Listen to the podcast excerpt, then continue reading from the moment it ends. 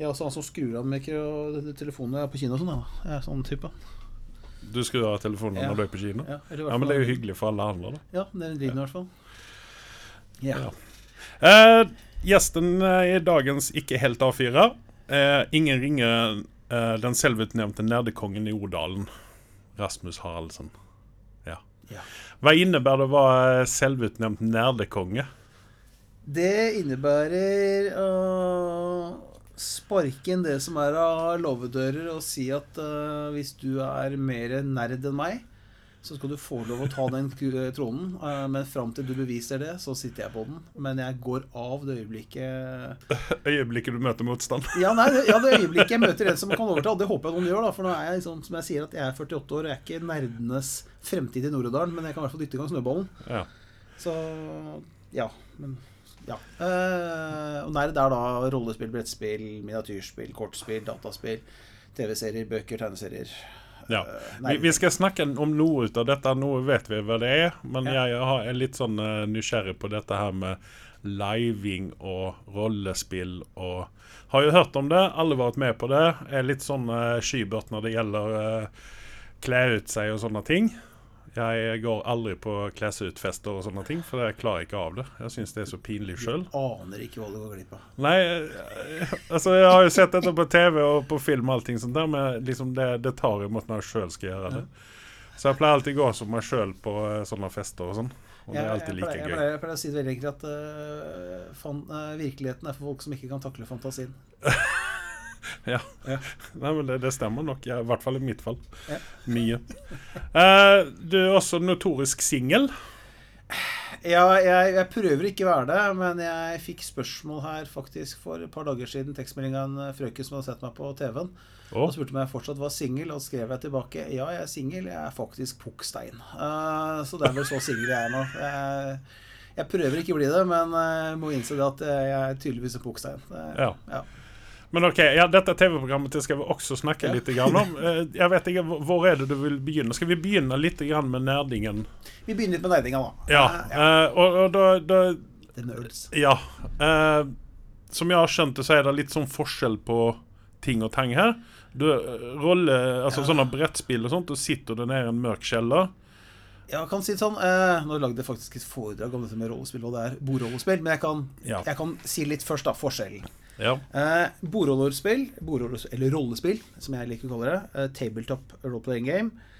Masse, kjært barn har mange navn. Eh, så sitter man rundt et bord. Ja. Du har eh, noen skjemaer foran deg som du har skrevet opp en del eh, tall som betyr hvor sterk denne rollen du har foran deg, som er på papiret. Mhm. Sterk, smidig, smart, klok, sjarmerende osv. Dette er en rolle som du bygger opp over mange år, da? Eller, Nei, nei, nei sånn du eller du bare sitter og finner på fem minutter Nei, sånn, sånn rollespill foregår i flere verdener. Eh, Ok. Og du har, hver verden har en hovedbok du kan kjøpe. Okay. Eh, og der står det alt du trenger, og da bruker du da rollespillterninger som har da fra fire, sekssida, åttesida, tisida, tolvsida, tjuesida, hundresida. Forskjellige typer. De er forskjellige sider, ja. Ja. Det finnes. Eh, hadde det vært TV, kunne jeg vist deg det, men jeg kunne ikke at jeg viser deg det her og ruller på bordet, for det er ingen som ser det likevel. Eh, og ved hjelp av de terningene og skjemaer så lager man da en karakter på et papir. Okay. Hvor vi har sett at hvis du har et system, da, for det er mange forskjellige systemer, mange forskjellige verdener, Mm. et system som går på prosenter, Ok. ja, ikke sant? så sier jeg til deg f.eks. at ok, du er eh, du har 65 i styrke. 65% sjanse for å klare ting som går på styrke å gjøre. Og så sier jeg, Nå må du rulle terning. Så ruller du en 100 terning, og da må du under 65 for å klare det jeg ber deg om. Ok. Og så Hvis du da blir flink, så får du erfaringspoeng. Så kan du øke det tallet til 70, 80 osv. Ok. Og så har du da ytre intelligenser. For det beste du kan rulle, er jo én. For du skal under. Og det verste du kan rulle, er 100. Og jeg sier det sånn enkelt. Skal du sparke opp en dør, og er på 55, så sparker du opp døra. Er du på 1, så splintrer du døra. For det er det beste du kan få. Det verste du kan være 100. Da knekker du ankelen. Ok. Og så fortsetter så drar man på eventyr, da. Så det er to aktører. Du har spillerne som på en måte lever og lager historien, og så har du spilleder som styrer spillet, som forteller historien. Okay. Det, er rolle, det er rollespill. Ja, og snakker vi, da snakker vi Dungeons and Dragons-type Ja. rollespill. Den, Og er det, er det tingen man spiller, eller er det litt sånn Da er man litt for nerdete? Nei, eh, jeg må si at Dungeons and Dragons er den mest kommersielle uh, av okay. det. Uh, det er den folk som det, det du nevner. Jeg personlig spiller et spill som heter Warhammer, uh, i, som også er en fantasiverden. Men jeg spiller også Kutulus, som er vel Men- vår verden nåtid. Ja, for Warhammer, da har du disse små figurene òg, ikke sant? Nå snakker vi om miniatyrspillet Warhammer. OK, ok. Da, Da- nå, er vi blanding. Ja, da, da kommer vi inn på det litt etterpå, da. Ja. OK. ok. Men, men uh, rollespill er da forskjellige verdener, forskjellige systemer. Du kan spille fantasi, framtid, du kan spille nåtid, du kan spille realisme, du kan spille annen verdenskrig, du kan spille høyfantasi hvor du har magi og alver og dverger og hurra Mm. meg rundt. Og kombinasjoner av dette her, hvor du da spiller en verden som er ja, mer teknologisk fremtredende enn vår, for Mm. å si det sånn. Veldig. Og du og vennene dine skal på byen, og dere er vorspiel og kjøy og drar på byen. Men dere kommer ikke inn døra, for i døra står dørvakta. Han er et troll med dress og sier nei, du kommer ikke inn, for vi tar ikke imot din type her. Du er en alv. Så det er en del rasisme oppi dette? Det er helt opp til spillederen å bestemme. Det er helt opp til spillederen, men en standardgreie i alle fantasi er at alver og dverger ikke, liker hverandre. Det Ja. har blitt en sånn standardgreie. Ja, men det, Dette kjenner vi det, hvis man har lest Sett eller sett uh, ja. Ringenes Det herre. er, det, det, er, det er en av tingene. Men eh, det er rollespill. Men OK. Så, så det, det- OK. Ja. Ja. Live. Skal jeg hjelpe deg litt? ja. Eh, ja, det, det, det, det høres jo veldig spennende ut, dette her. Men jeg har også følelsen av at man sitter veldig lenge med sånn eh, bredt eh, rollespill. Ja, eh, Et rollespill er jo en historie som aldri slutter, egentlig sånn sett. Det er som å okay. lese en bok som ikke har noe slutt, og du legger fra deg boka og fortsetter der du var forrige gang. Mm. Vi slutta vel i fjor, en gruppe som jeg var med i, som spilte litt sånn blanding av X-Files og Men in Black-type stil, hvor vi Mhm. var de i black. Og jeg tror i fjor vi slutta. Da hadde vi spilt hver tirsdag Eller i én tirsdag eller torsdag i måneden i 20 år. Oi. Men så ble livet kom litt i veien, og folk falt av, og da måtte vi slutte. Men så det, Ja. Og det er Man sitter stille, men man drar på eventyr. Og det er det Jeg brenner veldig for dette, da. Som nyutdanna som jeg er, som pedagog, så da, barnevernspedagog, så jeg brenner jo for dette som et verktøy. Ja, for det, du er ikke bare selvutnevnt nerdekonge i, Nei. i Nordårdalen, utan du har jo også Du er involvert i uh, ungdomskulturhuset eller noe sånt der? Du prøvde Jeg, å har, starte opp jeg sitter i styret til ungdomsklubben oppe Ja. i Nord-Odalen. eh, og så har jeg starta da en nerdeklubb eh, klubb, oppe i Nord-Odalen. Eh, bare reklamer for det. Det er Odalen rollespillklubb, også kalt ORK. Vi er registrert i Brønnøysundregisteret som. ORK, så det er jeg litt stolt av. Eh, og den foregår nå for tiden på låven min. Der har vi et eh, rom vi har pussa opp, som Ja. ungdommen sjøl tok eierskap på i forfjor sommer. Og sa her skal vi pusse opp. Og kom og overtok gården min og sa eh, det skal bli vårt rom. Så da ble det det, da. Så nå har jeg rollespillrom på låven min. Ja, men det er jo helt konge, det. Som jeg strengt tatt ikke eier så mye av, tydeligvis. Uh, men sånn er det. Ja. Ja, det er kjempefornøyd. Jeg er uh, kjempesolgt av dem, og jeg er fryktelig glad i disse her. De, disse møtte jeg når de var Den kjernen nå, da. Vi skal begynne å utvide, utvide nå, men måtte slutte for at jeg var på skole og utdanna meg. Men kjernen møtte jeg når de var 16, og nå er de med 20. Så Ja. det er jo kjempekult å se at hvordan de også utvikler seg som mennesker. da Ja. Og hva rollespill har hjulpet dem med. Men, hvor mange ungdommer snakker vi om da? Vi er et sted mellom 10 og 15 foreløpig. Av og på. litt mer, Noen er mer aktive enn andre. Ja. Uh, men eh, jeg har begynt nå. Jeg har f.eks. en gruppe med er fire nå som jeg skal møte neste helg, som de har spilt to eller tre ganger rollespill. Mm. Med meg som spilleder, han som styrer spillet. Så det er, De er jo 13 år. Så det er 14-13-14 år. Så det er kjempegøy. Ja. Ja, for jeg, jeg vil vel kanskje tenke meg også at de har litt eh, sånn større fantasi enn hva en 20-22-åring har. Man Ja. blir litt sånn restricted jo eldre man blir, så der, og sen så kommer man vel til en alder da fantasien begynner å komme tilbake igjen? Ja, jeg, jeg kjenner ikke det problemet. Nei, ok. Eh, jeg, jeg, jeg har aldri vært Jeg har alltid vært litt spesiell der, da. Jeg, har, er en sånn type som alltid eh, Når jeg satt på skolen og jeg klarte å sitte med en blyant og en mynt, så var jeg opptatt i fire timer. Så det har jeg vært i alle år, men jeg er litt spesiell der. Jo, jo. Eh, men, nei, men det er veldig gøy å se hvorfor jeg liker dette. Nå er vi inne på pedagogikk her, da, men det er gøy å se hvordan de utvikler seg. Hvordan jeg gjennom rollespill kan hjelpe dem til å utvikle seg som mennesker. Da. Gi dem oppdrag, de utfordringer som de klarer. Og samle dem og samarbeide med andre. Og det er så mye. Det er så mange lag. Mm. Så jeg brenner jo veldig for dette her. Som sagt, da. Så det, kan, det, dette kan jeg snakke om i flere timer. Ja, for nå på, ja, fikk, vi treffe på eh, Rasmus-pedagogen. Ja, Ja, litt. Og hvis vi tar en liten sånn digression her da, Ja. så har jo du nå tatt en bachelor i Barnevernspedagog. Barnevernspedagog. Som barnevernspedagog, ja. Ja. Og, og det gikk uh, veldig bra, har jeg skjønt? Jeg, Jeg, eh, jeg skrev faktisk om rollespill som miljøterapeutisk verktøy. Ja. Og jeg sa det veldig enkelt før eksamen, for jeg har slitt litt med å følge med på skolen. Så jeg drømte om en B. Jeg håpa på en C. Jeg satsa på en D, og hadde vært fornøyd med en E. Og jeg dro i gang en A. Så da var jeg egentlig ganske fornøyd. ja, det må jeg si. Eh, For der har, der har vi da liksom det som binder sammen hele Ja. din personlighet på en måte. da, At nå er du barnevernspedagog, og du har eh, brukt din, ditt brennende interesse for rollespill og slikt Ja. For å bli en barnevernspedagog. Så det er, liksom, det er li- litt grann en sånn der si, slutten sirkel der, da. Ja, det kan er man vel det. si. Men det morsomme her er at grunnen til hvorfor jeg tok barnevernspedagoglinja, eh, var jo fordi at, som sagt, ungdomsklubb på gården. Eh, og da er det greit å ha Da tenkte jeg at det er greit å ha en utdannelse, hvis ikke så blir han der gamle gubben som vil ha besøk av små barn på tomta si. Så det er greit å ha et faglig grunnlag for at de kommer. Ja. Hvis ikke så blir det veldig feil signaleffekt. Det var det det starta med, og så viser det etter hvert at jeg kan jo bruke dette. Mm. Så det, men det er da pedagogdelen av meg. Men jeg er jo, sitter jo og spiller rollespill sammen med venner fortsatt alene. Sånn, da er jeg ikke på jobb. Nei. Eh, eller de ungdommene her er heller ikke på jobb. Det her er bare for gøy for å skape ungdomskultur i Nord-Odalen. Eh, for det sitter veldig mange nerder hjemme og vet ikke at de det er flere. Man sitter hver for seg og tror man er alene, og det er man ikke. Nei. uh, og det, det fører meg jo søkt inn på det her med dataspill. Uh, Ja. For at vi har jo en type dataspill, uh, eller rollespill på data Ja. som dataspill. Ja. Og det er jo det, Hjelp meg nå, hva er det det heter? Det, det det, spørs, det kom ut for 10-12-13 år Å, siden. ja, du snakker om Diablo, eller? Nei, Nei, ikke Diablo, for det, det er ikke. andre. War, war Oi, nå føler jeg meg skikkelig idiot. Jeg ja. òg. dette skulle jeg kunne nå. Hei, dette er fagfeltet mitt! Nei, det er det ikke, tydeligvis. ja, Eh, det er War oh. All in the World of Warcraft. World of Warcraft, ja. Ja, det er nesten på en måte det. Jeg vil ikke si for mye, for da får jeg sikkert uvenner i begge leire. Uh, alle leirene. Jo, men det, det, er, Ja, det er jo en sånn type rollespill. Har jeg. Altså, Ja, er jeg, altså, les meg rett her nå. Jeg er veldig novis på når det gjelder disse tingene her.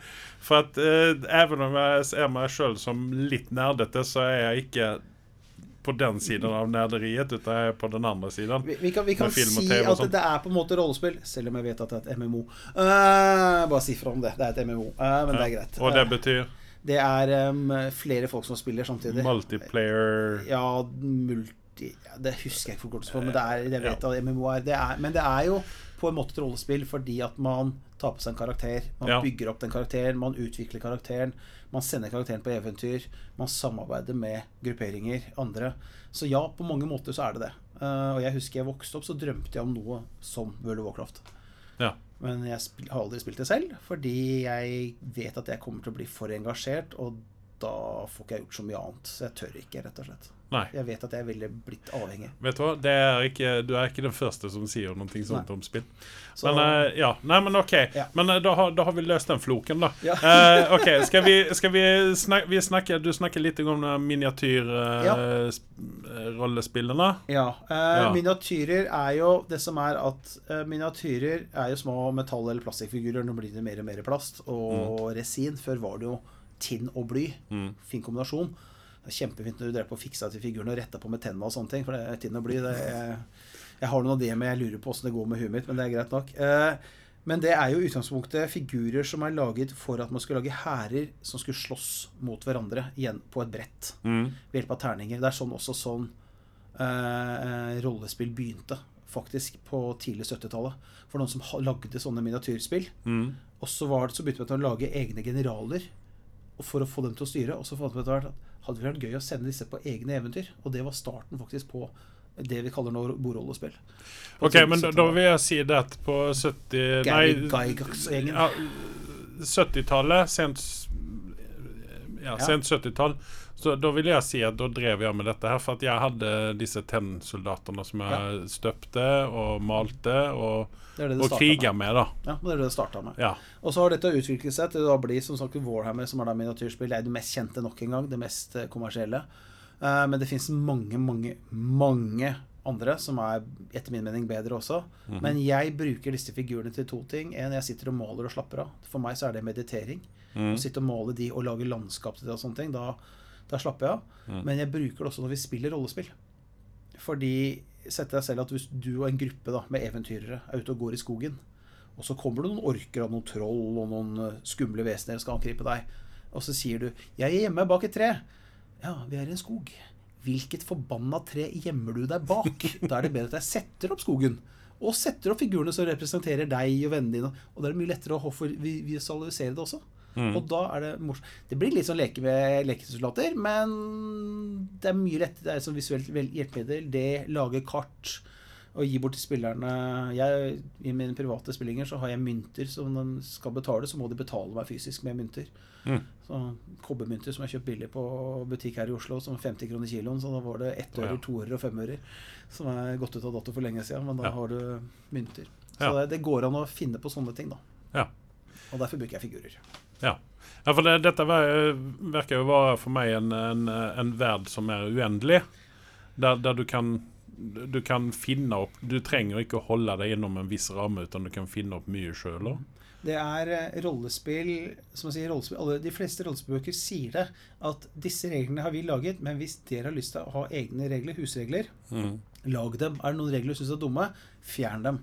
Man la, former det selv, og da, og da og det, Så lenge man har det inne i gruppa, så har de samme husreglene, så er man enige, og så spiller man det som du sier. Da har du ubegrensninger. Mm. Så kan man sitte og lage sånn, Jeg sitter og slapper av når jeg lager kart over en verden som ikke eksisterer.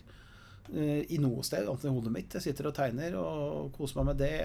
Jeg, jeg slapper av meg mye, jeg har innsett det. Men uh, det er altså sagt, det er uendelig. Du kan gjøre så mye ut av det. da. Og så Mm. er det og så er det sosiale med det kosen. I eh, ORK sitt eh, lokale så har vi masse regler for bruk av lokale, og en av de reglene det står der, er at du skal spise snop. Oi. Ja, man, Ja. det står det er regel 9, tror jeg. Uh, du skal spise snop, og vi hadde egen snophylle hvor jeg klarte å få tak i litt godteri som gått ut, gått ut på dato osv. Og, så og det står også det i snophylla. Ja. Og det går radio. Det er sånn, Denne sjokoladen gikk ut for et år siden, og da sitter gutta med kjeften full og sier hm, ja, det går fint, det. Ta en bit til. Så det, Det er litt hvit, men det går bra. ja, det er bare skrapa. Det går fint. Uh, kjeksen er litt tørr. Det er kjeks, den skal være tørr. Spis. Eh, nei, altså det er, det er også en del av det med å sitte Selv nå med korviden, da, så blir det sånn nå deler man ikke brus, og man passer på godteri og sånne ting, selvfølgelig. Men det er en del av kosen. Man sitter og spiser snop. Man hygger seg, man drar på eventyr sammen, man opplever ting sammen. Det er Ha, har dere prøvd å spille rollespill over Zoom? Vi har ikke prøvd det. Jeg vet om andre som har gjort det. Zoom og Roll Roll 20 er vel det som er bruker for det har du også i aktive kart. Sånn interaktive okay. kart du kan ha. Men det er folk som har prøvd det, og det går. Men det er jo ikke helt den samme følelsen. Men det går. Ja, for jeg, jeg tenker at hvis, hvis det blir en utbredd ting, så jo, kan jo disse vennene som har forsvunnet etter familiære årsaker, kanskje återvende, da, hvis det er enklere for dem å sitte hjemme foran PC-en og Det er litt flaut å si at det har ikke vi tenkt på. Uh, kjenner jeg nå. Det er flaut. Nei, men du, du, får, du får den ideen gratis ut av meg. Mange gutter her jobber for meg i IT. Uh, så dette er flaut at vi ikke har tenkt på. Uh, men ja, men det går an. Men det er noe med stemningen. For det er det der med å møte venner og sitte og, og så sitter man og småsludrer mellom slagene iblant. Ja, nei, men det, det, det skjønner jeg, men altså, nøden har jo ingen Ja, ja. lag, ikke sant? Nei, og det er Så riktig. Men ja. foreløpig så er vi der at vi møtes. Men det er også fordelen at du kan bruke det hvor som helst. da En liten anekdote nå. Eh, her er mange, mange, mange år siden. Vi var på dansketur. Skulle bare en liten tur opp og ned til København. Det sånn, skulle ikke drikkes i det hele tatt, så mye i hvert fall. Eh, dagen etter, på vei hjem. Eh, vi er slitne, og vi er bakfulle, for å si det mildt. Og vi sitter inne i den store fellessalen som kvelden før hadde vært kjempegøy å være i. Og der sitter da et par med sliten Tamman-orgel og en dame som prøver å synge rent og feiler miserabelt på hver tone. Og vi sitter der en hel gjeng og vi er slitne. Så er det en av gutta som tilfeldigvis finner en tisida terning i bånn av bagen. Én tisida terning. Med den så improviserte vi noen roller, og så satt vi og spilte eh, Intergalactic Rat Army, som egentlig var Star Wars, men med dyr. Hvor da imperiet var rotter, og resten av oss var forskjellige dyr. Og når vi kom i land i Oslo, så hadde vi håp, skulle ønske at egentlig båtturen varte et par timer til. For vi hadde det dritgøy. Jeg tror vi var de på turen som hadde det morsomst på vei oppover, for å si det sånn. Mm. Og det var én terning og rollespillgreier. Da satt vi og spilte. Det var kjempegøy. Det var en utrolig morsom tur.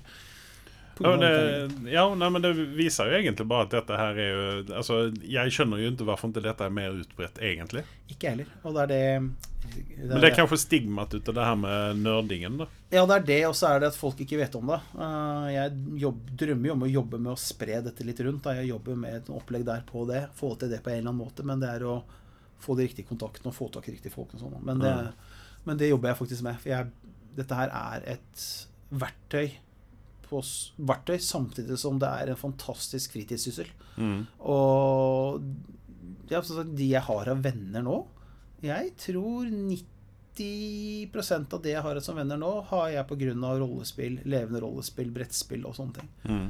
Live, da. Levende rollespill. Live. Uh, det har jeg pga. det. Så ja. Nerdekonge, vet du. Ja, ikke sant? Ja.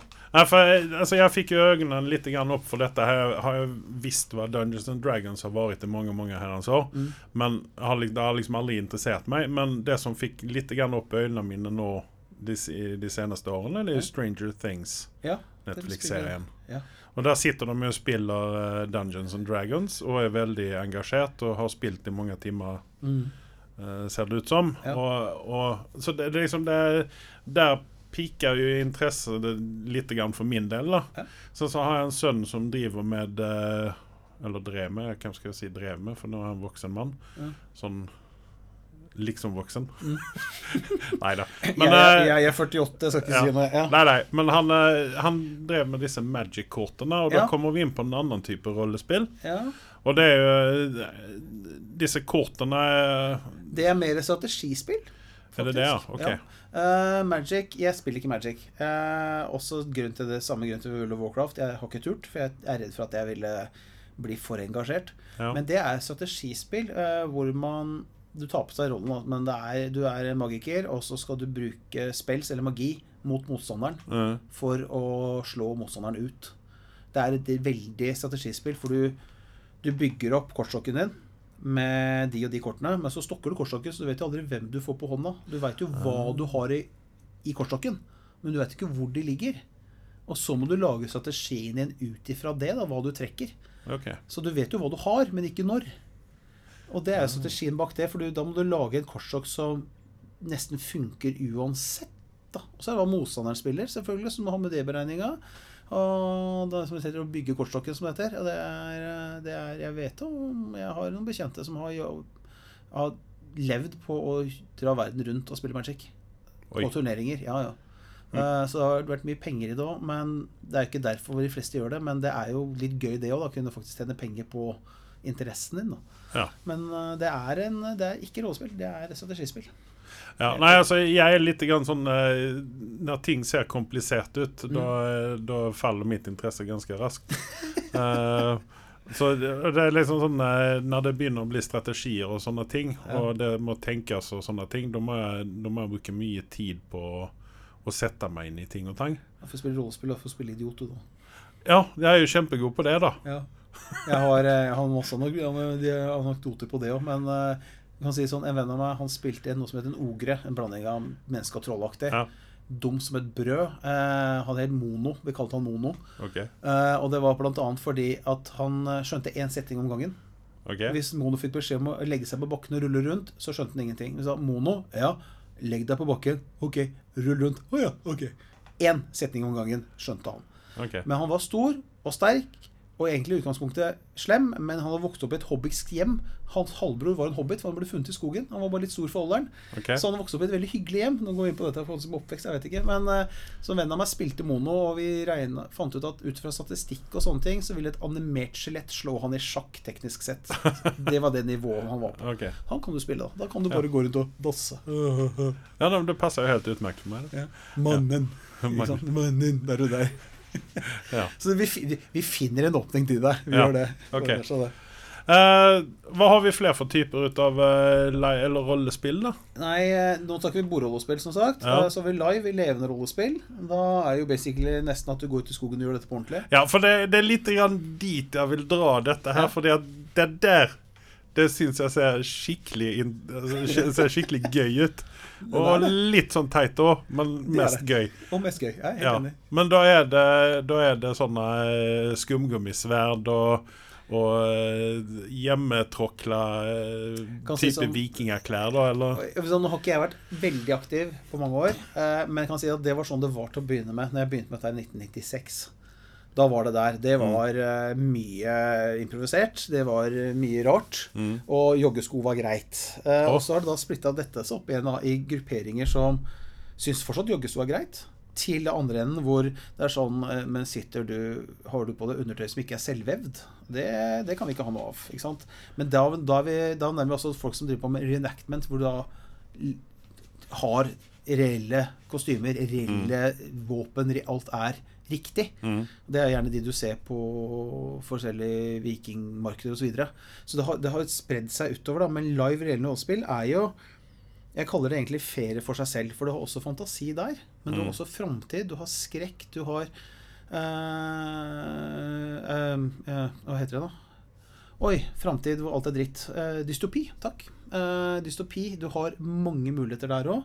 Selvfølgelig litt verre å få fram den store dragen. Mm. Ikke umulig, men verre.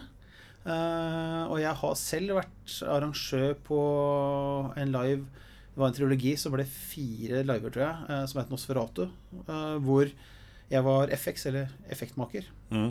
Og, og da tenker jeg selv da, du, du er i en hytte.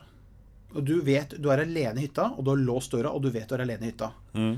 Så kommer du til stua, og så ser det ut som noen har at det drypper litt blod har dryppet noe blod på bordet, stuebordet. Det er, det er bare sånn, ok, Hvor kommer det blodet fra? Så du går på kjøkkenet, henter en klut, henter, vrir den opp, går ut, tørker blod på, på stuebordet, går tilbake til kjøkkenet, skyller kluten, går tilbake, og det er blod på bordet.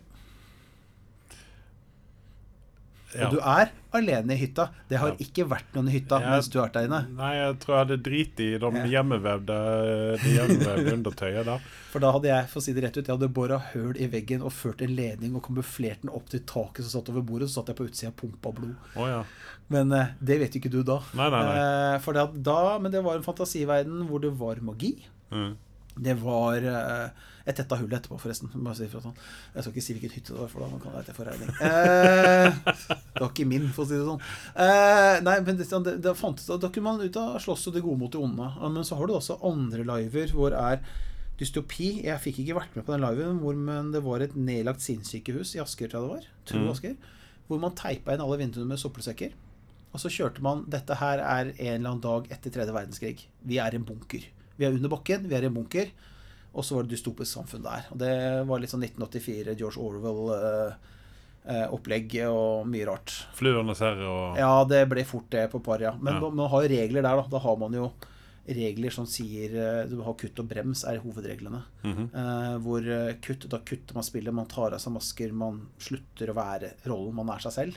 Mhm. Eh, veldig internt, da. Eksempel du og meg i rommet her, hvis vi spiller så og så sier en av oss kutt, da ok, da kutter vi. Mm.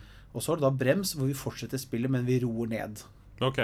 Og for det som er veldig viktig i live, er at den såkalt gåsehøne overgriperen, han er den som ikke styrer.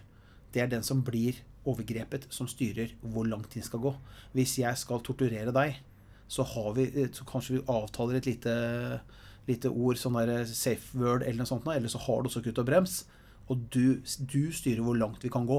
I tortur i gåsehøyne, vel å merke. da Dette er kiler og sånt. Ikke sant? At, Eller så sitter vi bare og sier at nå, det vi gjør nå, nå smeller jeg litt i bordet her og tjoei, og så roper du av smerte, så alle på utsiden hører at du blir torturert. Mm. Mens vi da sminker sår på deg. ikke sant? Ja. Så da, da høres det ut som du får et helsike, og så sitter du egentlig du og drikker te mens jeg sminker eh, åpent sår på armen din. ikke sant? Så det, man kan lage sånne ting, da.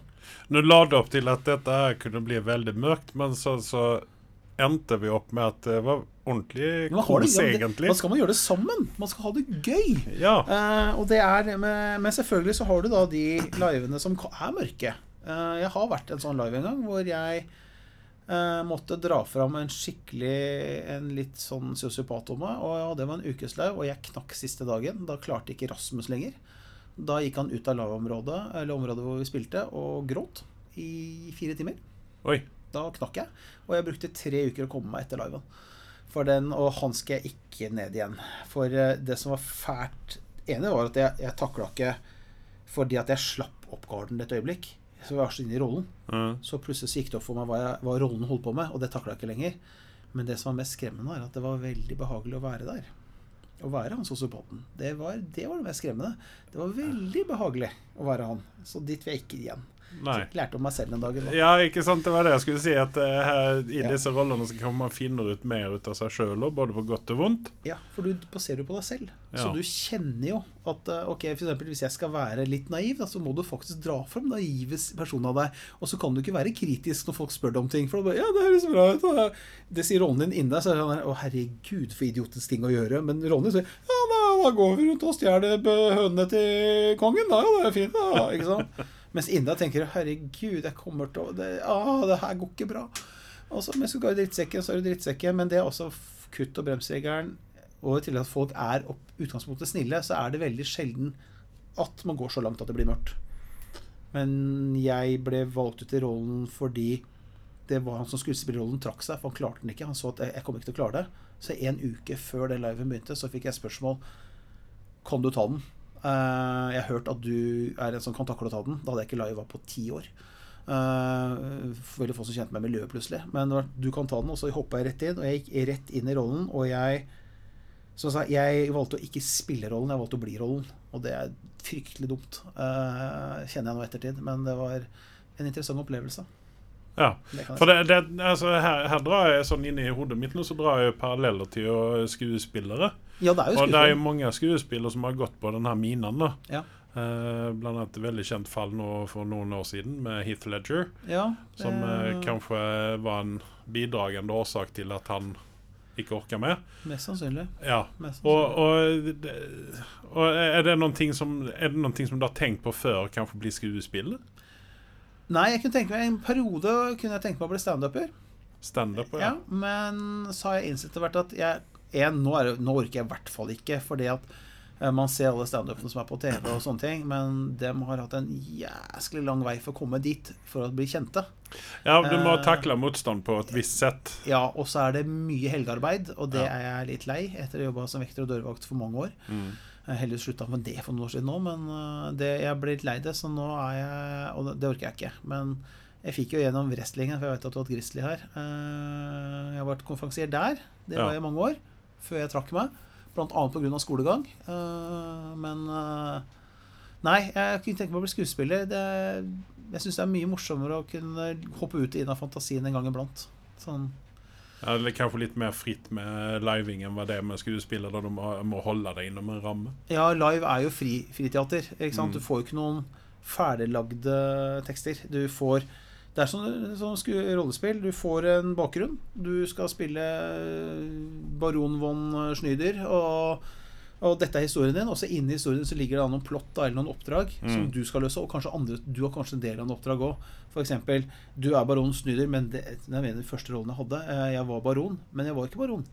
For jeg var en som hadde slått ned baronen, og opprinnelig baronen, og jeg spilte han. Oi. Og så gikk jeg rundt og var han, så jeg var jo baron, bla, bla, bla, og bare faka det, og spilte på at jeg faka det. Men så er det da noen som er på liven, som da kjenner den ekte baronen. Og bare sier, og sier ja, men det er jo ikke han, men så kan ikke de si det høyt, fordi pga. andre ting så må de spille. Da skaper du masse spill, ikke sant. Ja. For dette, dette påminner litt om det som er litt populært nå, med murder parties og eh, escape rooms. Ja, Så det, det, de har trukket ut elementer ut av dette her. ja, det er eh, litt der, for det er jo på det samme. Ja. Eh, For murder party er noen ting som jeg egentlig har Det er noen ting som jeg skulle ville prøve på.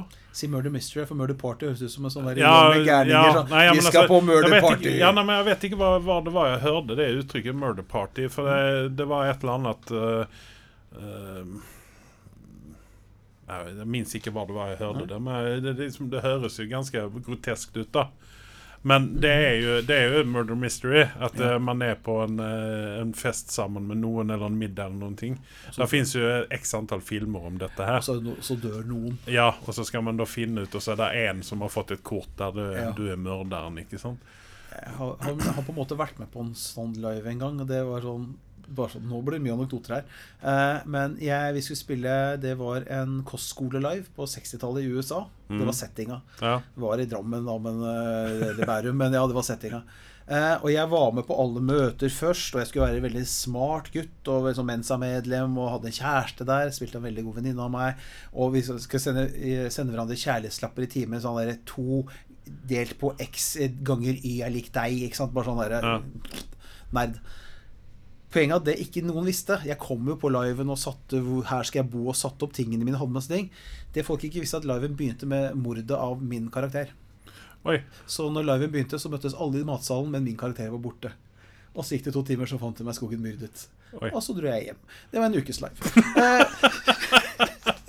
Så det var liksom Det var, det var min Jeg var med på alle møtene først, og sånn, og det startet var Murder Mystery. Hvem har tatt livet av rollen min? Og jeg var jo ikke med resten av uka. Nei. Jeg var innom et par ganger bare sånne sidekarakterer, men rollen min var ferdig. Han starta med å dø. Så kom jeg etter en uke, så kom jeg tilbake og henta tinga mine, og så Kjempegøy. Ja.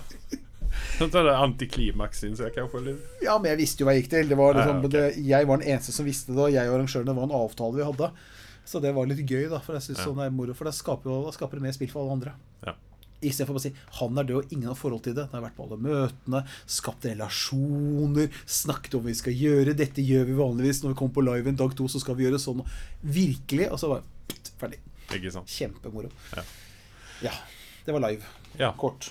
Uh, der finnes jo en del andre ting som, uh, har med, som er utspring ut av dette her, vil jeg gjette på. Ja. Uh, vi har jo blant annet Quidditch-teams i Har jeg sett her i Oslo. Ja, det kommer vel av dette her, det òg, ja. Ja, cirka. så, men er det noe ting som dere hardcore livere vil kjennes ved? Jeg skal ikke uttale meg om det. Jeg bare vet at jeg er ikke så Harry Potter-fan, fan, fan, fan, fan, så jeg har giddet. Men hvis du er fan, kjør på. Sier jeg, altså. Er, Ja, for Nå, sitter, nå har vi nerdekongen her, da. Ja, det som du sier Men eh, Harry Potter er ikke så populært i Nord-Odalen. Okay. Vi sier det sånn. Og gjett om jeg kommer til å få tyn for denne i Nord-Odalen. Uh, for det er han. Men uh, akkurat med sånn nerdetingene så at Når jeg vokste opp, da Jeg er født i 71. Og så kom det, som du sier, også sent eh, 70-tallet, så begynte ting å komme. Mm. Uh, og det begynte jo tidlig 70-tallet, men sent 70-tallet begynte å bli større, og så har det vokst og vokst. Nå er, man, før så var nerd en som leste 'Ringenes herre' og visste hva rollespill var.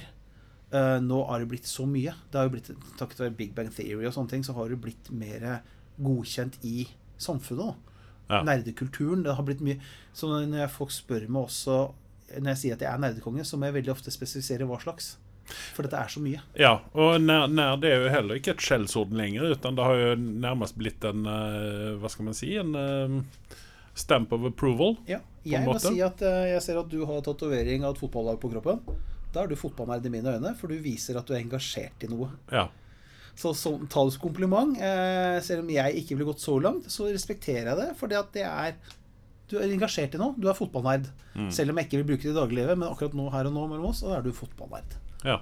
Eh, jeg vet at mange, eh, mange fans av fotball der borte som fort kunne gitt meg knyttneve for den, det utsagnet der, men det føler jeg være Nei, men jeg, jeg tror det har blivit mer eh, sånn godtykkelig nå å kalle seg sjøl nerd. Jeg, altså, jeg gjør det jo litt grann sådär, men det er fordi at det som du sier, at hvis du har Du er litt over middels interessert av en ting, så kan du på en måte stemple deg sjøl som nerd. Ja. Du Men, er litt nerdete når det gjelder de tingene. Og så, der. da, og så kommer da diskusjonen hva er forskjellen på nerd og en geek, og den skal vi ikke ta nå. Nei, den, den har jeg hørt den eh, forklaringen en gang, men jeg skjønte så liksom ikke riktig uh... Nei, det er, jeg tror det er også veldig fra miljø til miljø. Liksom. For det blir mye klikker, det blir mye småmiljøer Og sen så har jo det også å gjøre mye med filmkulturen fra USA på ja. 80-tallet spesielt. Ja, der det var- Nærmes hevn og ja, greiene der. Så Nei, og så- har du da liksom, Så har du også klikker, f.eks. folk som ikke, som jeg sier, det er Folk som holder på bare rollespill, f.eks. De er jo veldig inne i bare rollespill, men de har kanskje ikke så mye peiling på live, dataspill, eh, cosplay osv. Og så andre Du blir klikker der òg, ikke sant. Mm. Etter hvert så blir det jo Det er derfor jeg prøver å si om nerdekongen at jeg prøver at jeg, jeg får ikke dekt over alt, men veldig mye, for da får jeg med meg flere ungdommer. Så jeg har aldri spilt Magic, men jeg vet hva Magic er. Ja. Uh, jeg har ikke drevet så veldig mye med cosplay, lite grann, men jeg har kontakter fortsatt i cosplay-miljøet fordi tilfelle jeg møter ungdom som er interessert i det. Mm. Uh, og så har jeg lyst til å begynne med det selv om. Det, livet har kommet til veien de siste 48 åra, så jeg må se om jeg får det nå. Uh, og så er det sånne ting man, man vet, og vi har faktisk Magic-kort på låven som er donert av uh, en av ungdommene. Vi har mye donasjoner, mye donerte ting. Mm. Jeg fikk uh, annet bare sånn takke til Eirik og Sissel, som da Jeg bare si det. Si, Eirik og Sissel, jeg vet hvem de er. Som kom og donerte rollespill for rundt 20 000-30 000 kroner til oss. Vampire, det var en samling med Vampire the Masquerade-rollespill og Werewolf-rollespill som jeg regna på det røftlig et sted mellom 20 000 og 30 000 Hm. i verdier. Eh, fordi jeg har rydda hjemme. Istedenfor kasser så sendte de opp til Nord-Odalen. Ja. Og er, da har du muligheten. Altså, det er to hyller meter vet du, med bøker. Så jeg bare wow! Så jeg ble jo satt ut av dette her. Eh, så det er eh, Ja, så det er masse miljøer. Det er altså ting med Men det, det er jo viktig for deg også, even om du ikke er interessert i eh, et spesielt miljø, så er det jo viktig for din del, og rent sånn personlig, da, som uh, nerdekonge oppe der, Ja. at du holder deg oppdatert på hva, hva som er hva. Ja, Det er kjempeviktig. Ja. Så even om det ikke interesserer deg noe særlig, så det, Ja. må du jo vite, det. Ja, jeg, og jeg ser at nå begynner alderen å ta meg igjen. For jeg er 48 år, og jeg ser jo at det er masse ting som faller igjennom nå. Og jeg har jo innsett det. Som sagt, jeg er ikke framtida. Det jeg, går, jeg har jo da i det styret Vi vi har jo styret der oppe, og det er jo bare meg og 20-åringer. Og jeg, jeg lar jo jeg gjerne den chatten gå uten at jeg blander meg, for jeg ser at her her har jeg ingenting å gjøre. Det er, vi har en chat i, i styret, og det er sånn, iblant så er det sånn Nei, her eh, Dette lar jeg gå. Mel- Meld og pass på. Ja, fordi at jeg kjenner at nå, ja, nå ser jeg alderen. Og det er greit. Det må kjenne sin plass her. Mm. Jeg er ikke en kul, uh, hipp 26-åring. Jeg er en 48-åring som ikke helt er som alle andre 48-åringer. Takk og lov for det. Uh, så ja. Ja. Gåsehud normal, men det var tulluttrykk, det òg. Ja. 5% av Norges befolkning er definisjonen normale. Normalt er vel et hvitt begrep, er det ikke det? Veldig hvitt. Ja. Men eh, har vi noen andre eh, type rollespill eller noe sånt som vi bør ta opp her, så vi ikke eh, fornærmer noen? Brettspill er jo greit å ha med seg. Ja. Eh, det er også veldig mye bra brettspill der ute. Det er, brettspill er så mye mer enn ludo da, monopol. ja, vi snakker ikke bare ludomonopol. Nei, vi det- snakker strategispill, vi snakker eh, Type risk og Ja, risk er greit nok, men så har du da de som er mer avanserte igjen, da, hvor du har eh, Og her er veldig Nå skal jeg virkelig gå langt ut. Det her er mange, mange år siden. Mhm. uh, vi var på Arkon, det spillkongressen som er på Blindern. Mhm. Årlig. Den har slitt litt nå på Korviden og sånne ting. Det er mange år siden jeg var der, si det, men da var det noen som spilte et, et eh, brettspill som heter Advanced Squad Leader, ASL. Hvor de hadde satt opp hele østfronten mellom Mhm. Tyskland og Sovjet. Mhm. Eh, ved hjelp av Og da betydde det at en tropp eller en patrulje var en liten firkanta pappbit. Stod Mhm. på, og de hadde satt opp, om ikke hele fronten, så ganske mange mil av den fronten. Mm. Og etter å ha spilt i to dager i strekk nesten, så hørte jeg det bare Yes! Gjennombrudd! Da den flytta én liten sånn to centimeters bunke to centimeter inn. Og de spilte i to døgn. Det var nesten real time, ikke sant? Ja. Eh. Men så har det er jo ytterpunktene der, og så har du da eh, enkle spill som bare er gøy for familien. Ja, for hva vil du egentlig hvis, du, hvis det er noen her nå ut av de seks lytterne vi har her, da, Ja. som tenker at uh, dette høres jo kjempegøy ut, dette Ja. vil jeg prøve. Hva, hva er liksom uh, Hvilket type spill blir nybegynner? letteste som jeg i hvert fall syns, da, som av de jeg, som jeg det, Dette er så spill jeg liker godt selv. Ticket to Ride er enkelt. De lager eh, toglinjer over USA. Det er det som er målet, og mellom byer. Mm. Settlers of Catan, som, som dette også selges på ark, faktisk, med norske sånne ting, så det er ganske spredt sånn sett. Eh, hvor du skal settle en Jeg husker ikke norske ord engang. En øy, øya Catan. Men det som er kult med det spillet, er at øya består av eh, brikker som du setter sammen tilfeldig hver gang du spiller, så øya blir forskjellig hver gang. OK. Og så skal du samle ressurser underveis. ok Og det, så det blir jo forskjellig, og så er det strategisk hvor du plasserer husene dine. Mm. For det er det det går på. Å lage hus og lage veier og ha riddere. Og det er, det er kjempemoro. og Masse tilleggssett her òg. Det er en sånn god startgreie. så har du sånne enkle småspill som er vanskelig å få tak i, som vel Hey, That's My Fish. Hvor du lager et lite isflak med masse fisk, og så har du pingviner som går og samler disse fiskene. Men de er jo bilder på isflakene. Og tar du vekk da det isflaket, så har du tatt For å ta den, to, ta den fisken som er på isflaket, så har du en del av isflaket som er borte, da, og så skal du gå rundt til det ikke er mer isflak igjen. Altså, det, dette høres jo for meg ut som eh, dataspill Ja, men det er ikke det. det er, Nei, det er, men altså så, så, liksom live dataspilling. Ja. Men Hey That's My Fish er et sånt lite enkelt spill. Jeg satt med vennen av meg. Vi tok ferja mellom Moss og Horten. Vi rakk vel tre omganger med Hey That's, hey That's My Fish i kantina Ja. før vi var framme. Bare kjørte opp med det. Eller fram, det gikk oss litt å plukke opp. Du har sånne enkle spill. Du har eh, andre kompliserte spill hvor du faktisk Jeg husker ikke hva det, husker ikke hva det heter, men det er spill du spiller bare én gang. For du spiller det, og du setter på klistremerker og river stykker ting underveis. og sånne ting, Så du kan spille det én gang. Det koster jo mange kroner, men det er jo mange, mange timer, da, gjerne uker, med underholdning. da. Ok, ja, for det var det neste spørsmålet mitt var. Ja. Det høres ut som at noe av dette er veldig dyrt, og noe kan du på en måte lage sjøl ut av litt dopapir og, Ja. og, og litt sånne ting. da. Det var det. Stoppe Et ark og en, eh, papir og Ja. penn. da. Uh, jeg vil si Et brettspill koster rundt 500-700 kroner per brettspill. Men det er som sagt, da har du jo mange timer underholdning. Eh, Ja, for dette er heller ingenting som man kaster når man er ferdig. nei, det er noe som ikke er vanlig rollespill. Ja. Nei, brettspill, vanlig brettspill. Ja, Settler, så Jeg har en settler hjemme som er så fillete og jævlig. Jeg har faktisk Otello også, som er helt bedriten. Men jeg har spilt den nå med, i 30 år. Uh, for jeg fikk den, ja, jeg fikk den rundt 18. Uh, så har du da, og rollespill også. En, en hovedbok koster 500 kroner ca. mm. Eh, og der har du alt du trenger for å Veldig ofte altså et starteventyr for å bli kjent med verden. Mm. Og terningssett koster et sted mellom 100 og 150 kroner. Mm. Som du kan også bruke flere ganger. Hvis du ikke skal ha metall, da er vi oppe i 400-700 kroner stykket. Eh, ja, jeg samler på terninger. Jeg har mye. Jeg har litt for mange. Eh, jeg har små og store. Jeg har spesialterninger på 24 sider og 16 sider. Og jeg har i metall i forskjellige størrelser. Og ja, mye rart. Eh, eh, så det koster da Si at det koster da 700 kroner å starte med rollespill, men da har du også en kopimaskin må du ha for å kopiere disse skjemaene. Mm. Og blyant og drisklær, og da kan du begynne å spille rollespill. Ja. Og så kan du finne eventyr på nettet, du kan finne, lage egne eventyr, så kan du kjøpe ferdiglagde eventyr. Det kommer helt an på hva man vil. Så 700 kroner, da, så har du uansett om det er brettspill eller rollespill, så har du jo underholdning for mange timer, da. Ja. Eh, har du noe Fins det noen uh, online-spill som ikke er World of Warcraft, altså den størrelsen, utan som er litt mer sånn, hva skal man si, lokalt? eh, som, som man kan være en fire-seks venner på, som man kan bare kjøre via Zoom eller noe sånt du der den stilen. da. eh, på data, vet du hva, det vet jeg faktisk ikke. For nå er vi inne på den delen av nærtingene jeg ikke er så kjent i.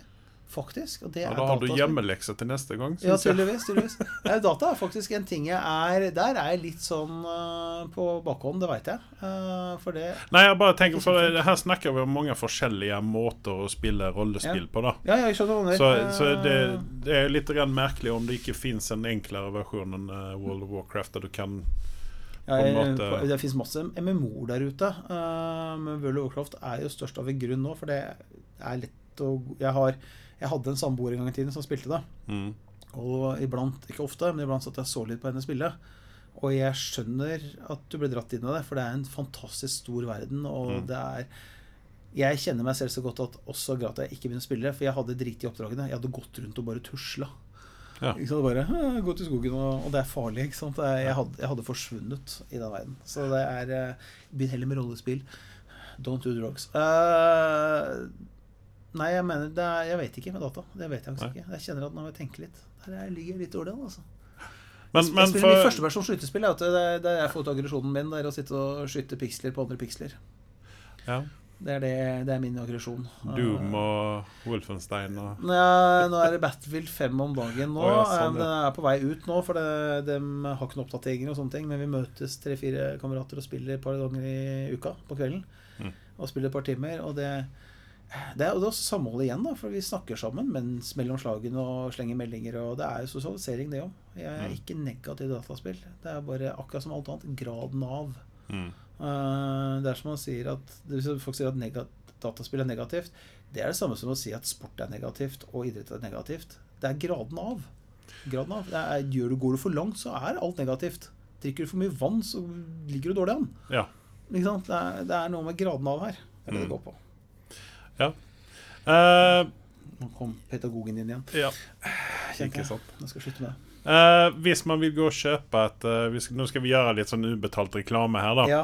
Hvis man vil gå og kjøpe seg her, disse tingene, bøker og, og, og sånne slike ting, Ja. terninger, da tipper jeg at man ikke kan gå på den lokale Coop-en og kjøpe det, utan da må du dra ned til uh, Det er som å si da i sånn det kan si sånn, La oss innse det, det er masse fint på nettet, men jeg er tilhenger av å ta vare på butikker. Mm. For det er noe med følelsen av å gå i en butikk, stemningen, og ta og føle på ting. Ikke som i disse covid-tider, men allikevel. Det er noe med stemninga. Og da vil jeg foreslå i Oslo Det er i Oslo, det er i Bergen, det er i Hamar. Jeg tror det er også i Trondheim. Jeg vet ikke om det er i Tromsø, men det er Outland.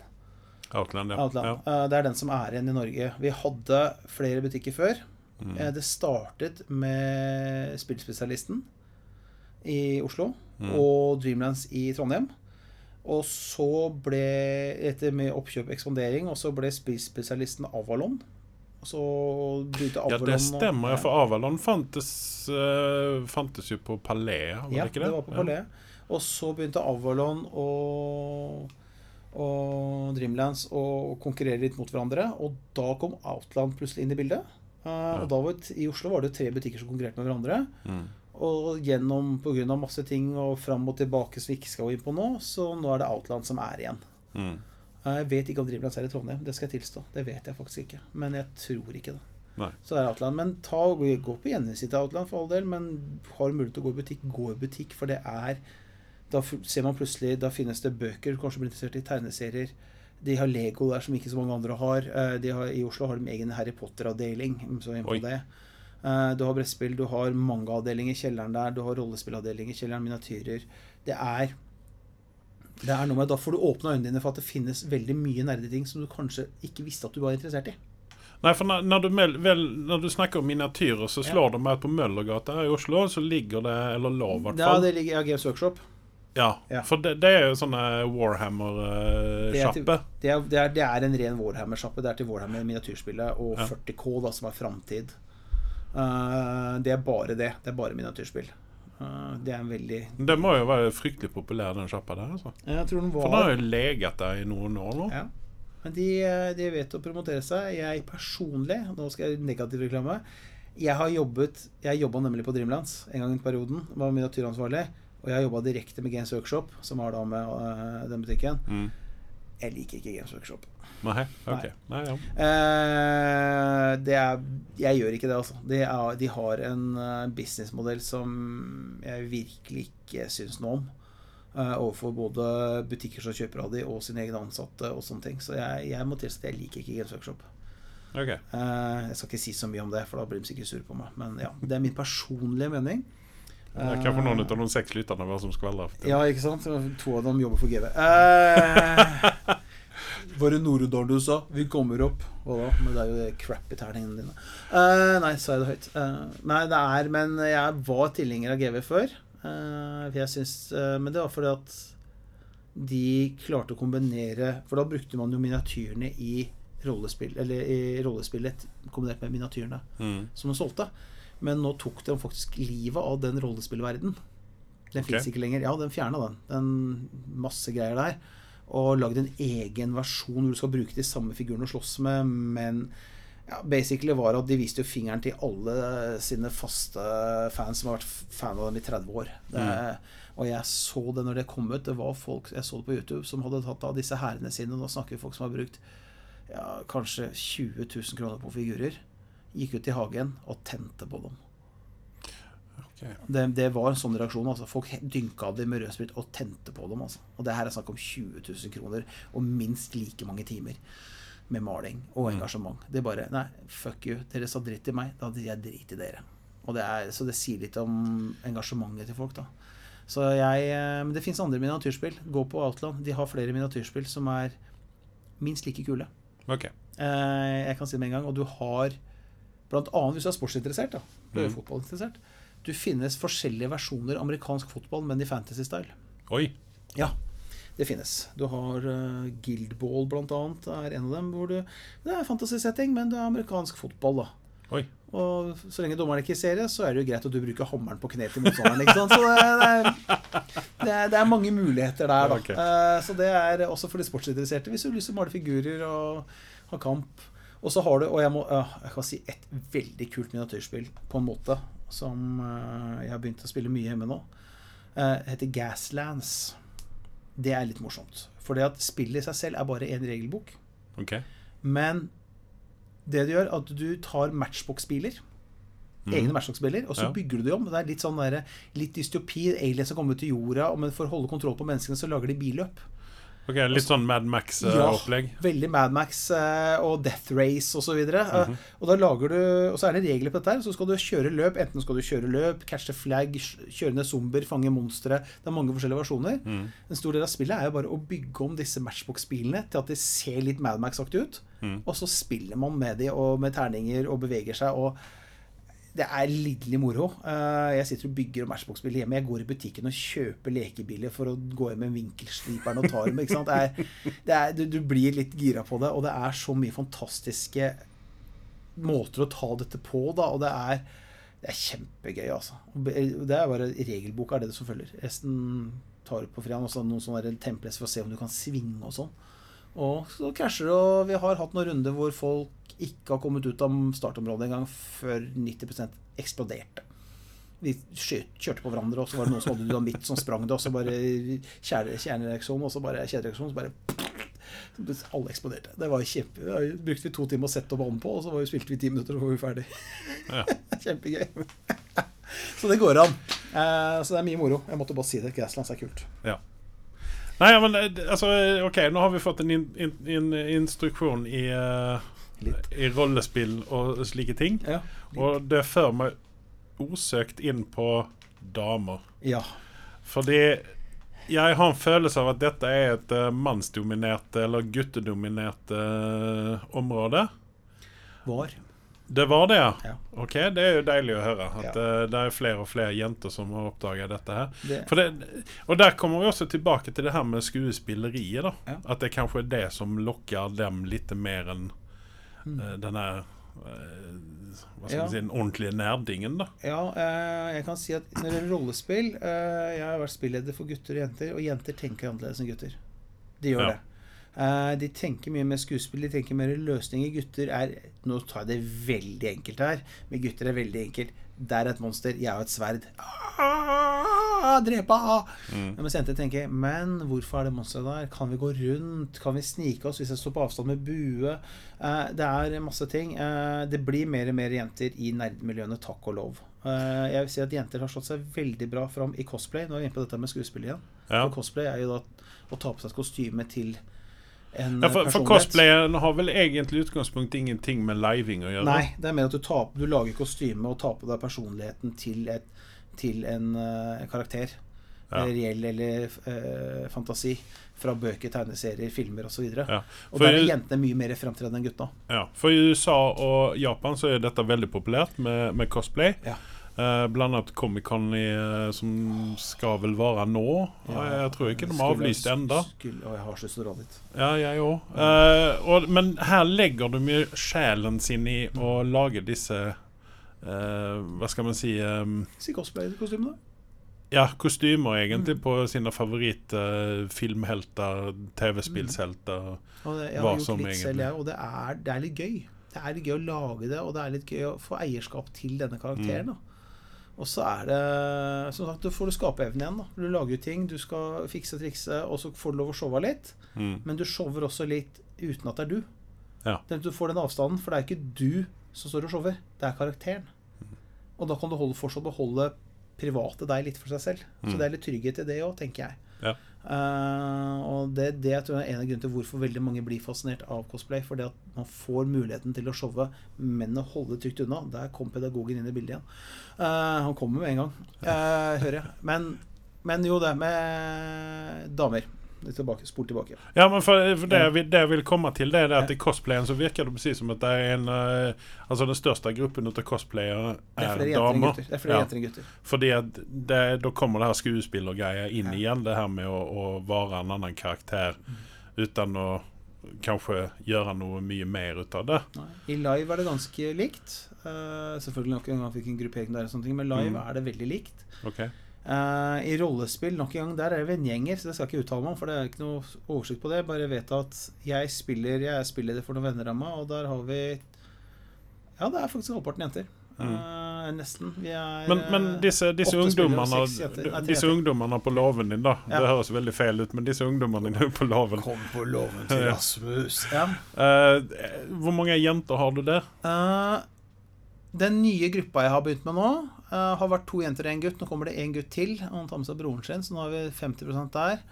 Eh, en av jentene som har vært veldig hard i kjernen, hun skal opp til Trondheim og studere nå, men før det så har vel det vært en fjerdedel av gruppa har vært jenter. Ja. Så vi ligger Det er hele tida noe Myggstikk. Eh, hele tida noe Det ligger sånn fjerdedel, halvparten foreløpig. Eh, men nok en gang, det kommer an på gruppering til gruppering, da.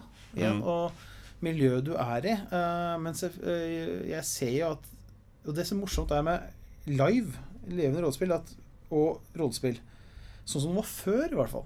Så fikk jeg inntrykk av at gutter begynte med live pga. rollespill. Mens mm. jentene begynte med rollespill pga. live. Å? Ja, sånn som vi fikk inntrykk av det før. Jeg tror det har blitt annerledes nå. Jeg tror det er Mm. jevnt over nå, men før så var det det.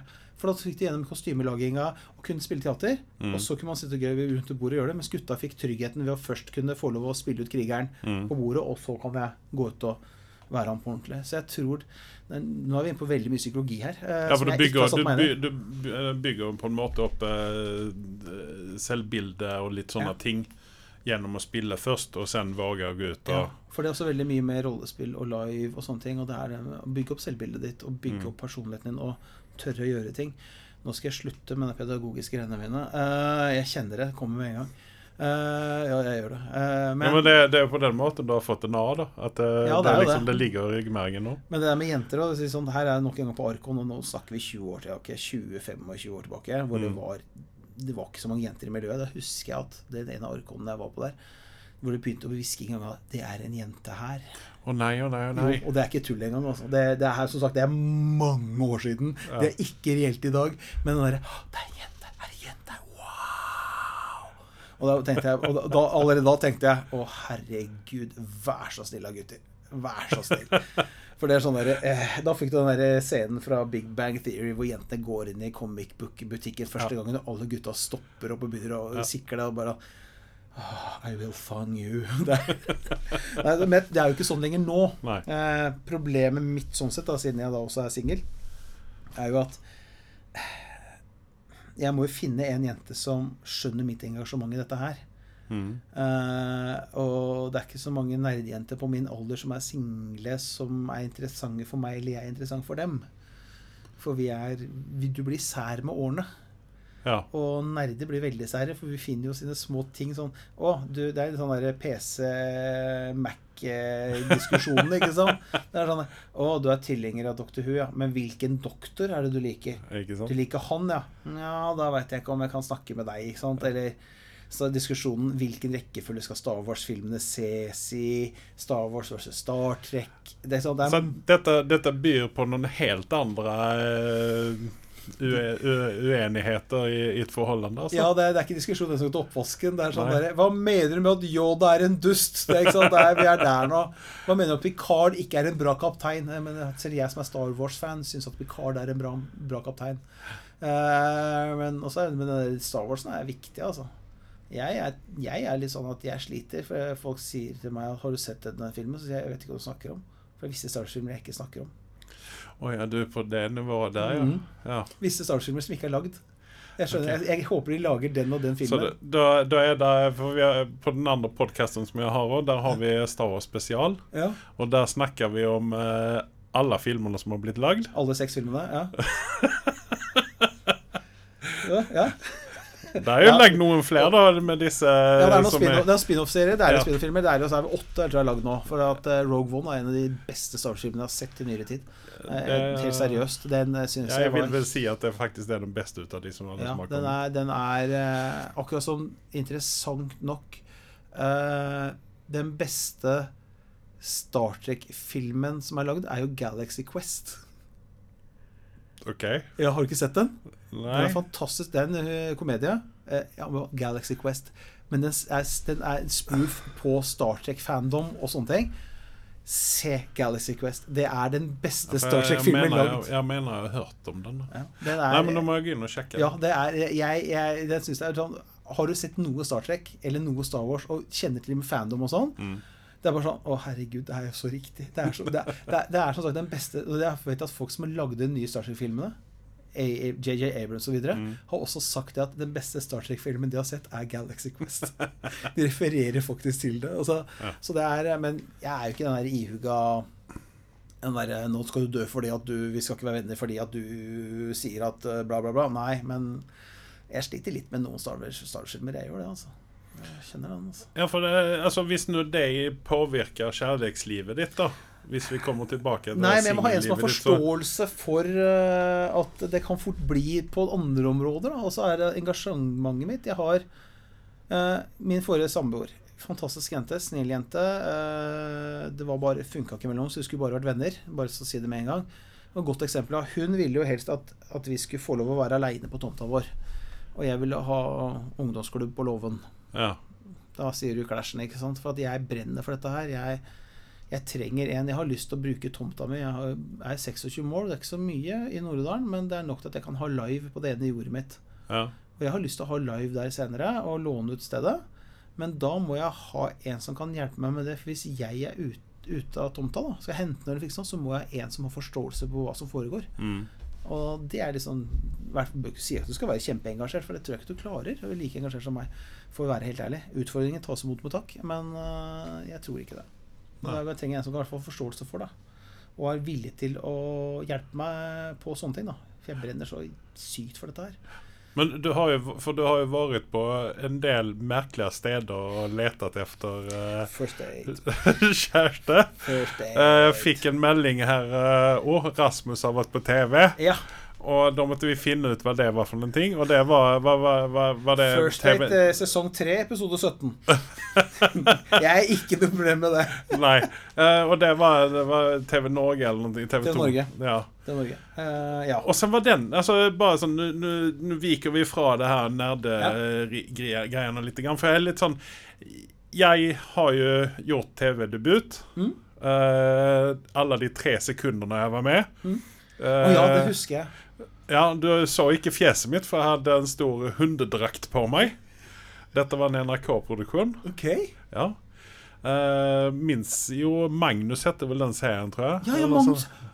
Var du ah, Magnus er drit... Ja, men, Ja, men altså- altså, jeg var, jeg var bare, jeg var bare stand-in i denne hundedrakten i tre scener.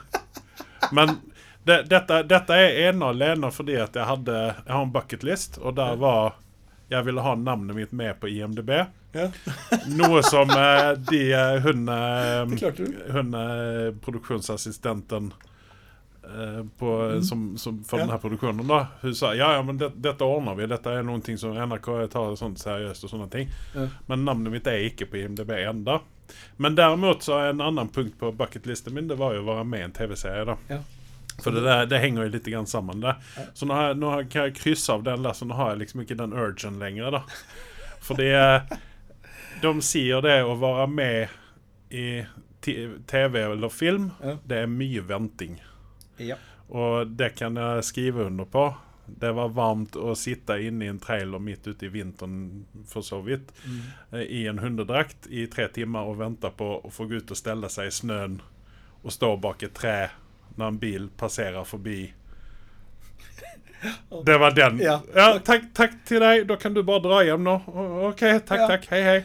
Følte at det var verdt uh, Ja. timene, Ja, liksom. men det, sånn, sånn i etterhånd så var det jo det, da. Ja. Så jeg hadde en scene ute på um, Ute på Fornebu der som de spilte inn uh, helt mot altså Det er helt mot slutten av denne serien. Da, så uh, Der jeg faktisk er med Der jeg er litt sånn interaktiv med hovedkarakteren. da Mm. Han snakker til meg. Ja. Så skal jeg snu meg, og så skal jeg gå vekk. Ja.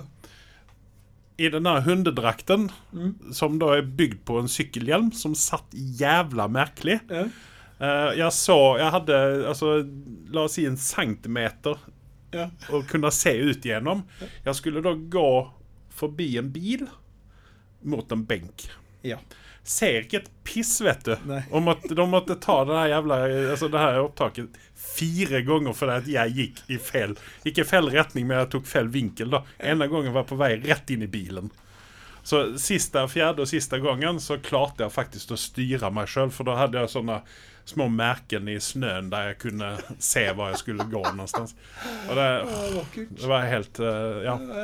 Det, det, var, det var en gøy opplevelse, får jeg si. Men Ja. eh, hvis vi kommer tilbake til din opplevelse med TV her, da. Ja. Så eh, fortell litt om dette programmet her, for det, det, var, jo, det var jo fantastisk. Eh, jeg syntes jo med en gang at eh, her er Rasmus ute og kjører litt. Grann. Fordi Ja, fordi Nei, Få for det, hun dama der var Det var liksom Jeg kjenner jo deg lite grann. Ja. Jeg jeg... eh, og, og, og hun dama der var absolutt ikke noen ting for deg. Nei. Så jeg vet Eh, ikke hva de la den matchningen på. Den Jeg Tinder har en mistanke om hvorfor. En teori. Okay. Men jeg kan si sånn For det første må jeg si at det var også en morsom opplevelse. Det var eh, morsomme seks til åtte timer av livet mitt, den Ja. daten. Eh, ja, for det, var, det, var det bare én dag, eller var det okay. Bare en dag. Uh, kan si, jeg kan ta, skal jeg ta først hele, hele Veldig kort, da. Hele, ja, ja. Eh, vi får beskjed om å møte opp på Jernbanetorget, for vi skal bli kjørt til i Det hemmelig lokasjon. Mhm. Alle som har vært i Oslo, vet nøyaktig hvor den jævla restauranten er. Uh, jeg kunne gått dit. Eh, for, det, for den tunnelen du går i, er blant annet en fake eh, fasade og sånne ting, så jeg veit nøyaktig hvor den ligger hen. Eh, Så det var, var det Egon på Byporten, eller? Nei, det er ikke langt unna. Den ligger, ligger oppe i Torshov. Men i hvert fall. Eh, Så vi ble henta av taxi. Jeg og en fyr, stakkars fyr, han var jo også med senere, et par episoder senere, hvor han, hvor han hadde meldt på mora si på First Date. Men det var nok damer, så det, de lot han komme istedenfor. Men mora var med og satt på bordet bak under daten hans. Å nei, å nei, å nei. Og ansiktet mot han. Og han var en han kjente fra før i tillegg, så han hadde jo skivebom på alle punkter.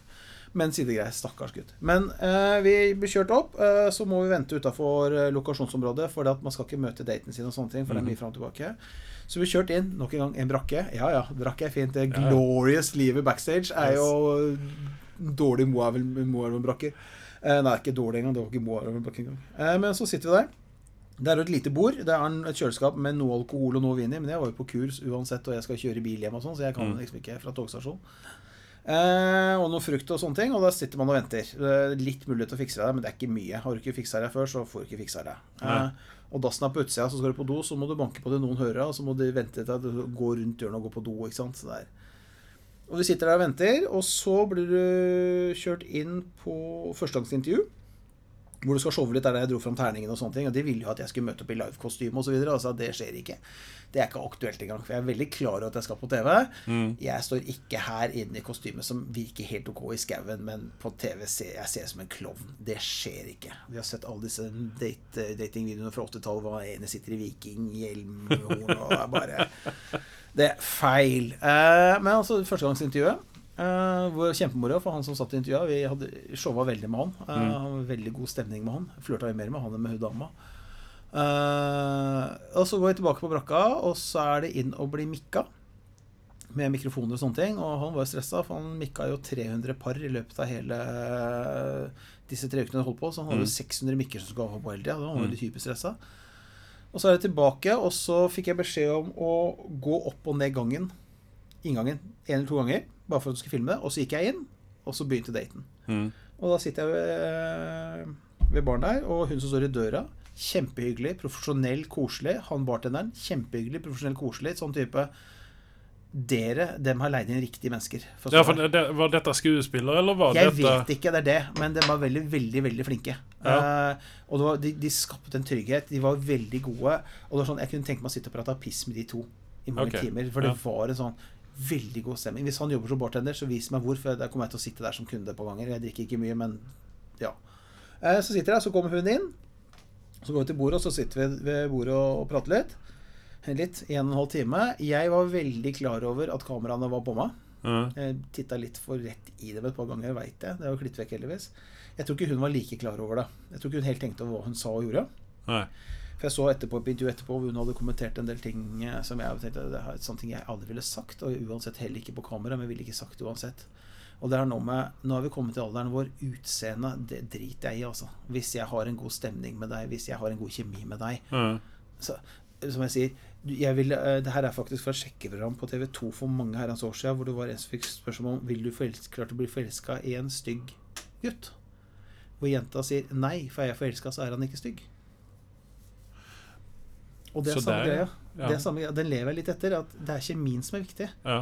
Uh, ja, har, man har sånne noen referanser man foretrekker utseendemessig. Det sier seg selv. Mm. Men hvis jeg har bra med kjemi med deg, så blir jo du pen. I mine øyne. Ja. Og det er det som er viktig. Ja, for, for det, det som Når jeg så altså Jeg er litt sånn Når det er sånn cringy og sånt, så klarer jeg ikke av å se. Men jeg tenkte at jeg skal se dette for Rasmus sin skyld. Hold ut. Ja, så, så jeg så gjennom hele altså. For dette er jo delt opp i ulike sekvenser gjennom programmet. Så at jeg, jeg skubba gjennom det som ikke var Rasmus. da Takk, du fikk ikke med deg hun derre Paradise-dama. Takk. Uh, Nei Hun stjal episoden min. Oh, ja, sånn. Vinsøling. Drittkjerring. Oh, ja, Nok om ok. det. Ja, nei, men altså For, det, for du var jo Du var jo liksom Du var jo altså Hva skal man si? Åpen. Ja. Du var liksom Du var der Ja. Jeg var meg selv. Ja, ikke sant? Du, du var liksom ja, åpen og, mottakelig for, for noe nytt, ikke sant? Mens hun var mer hun hadde, altså, hun hadde bestemt seg. Ja. Så fort at hun på en måte så deg, så, eller sa hei det sa hun deg så på utseendet mitt også, at uh, hun reagerte på utseendet mitt. Og jeg at hun bestemte seg ikke i inn døra, hun tror jeg. Ja, så at liksom Jeg det, jeg, Altså, jeg bare satt igjen med at dette her kunne For det første du var ute uten, Ja. og for det andre så burde produksjonen ha Ja. sett dette her.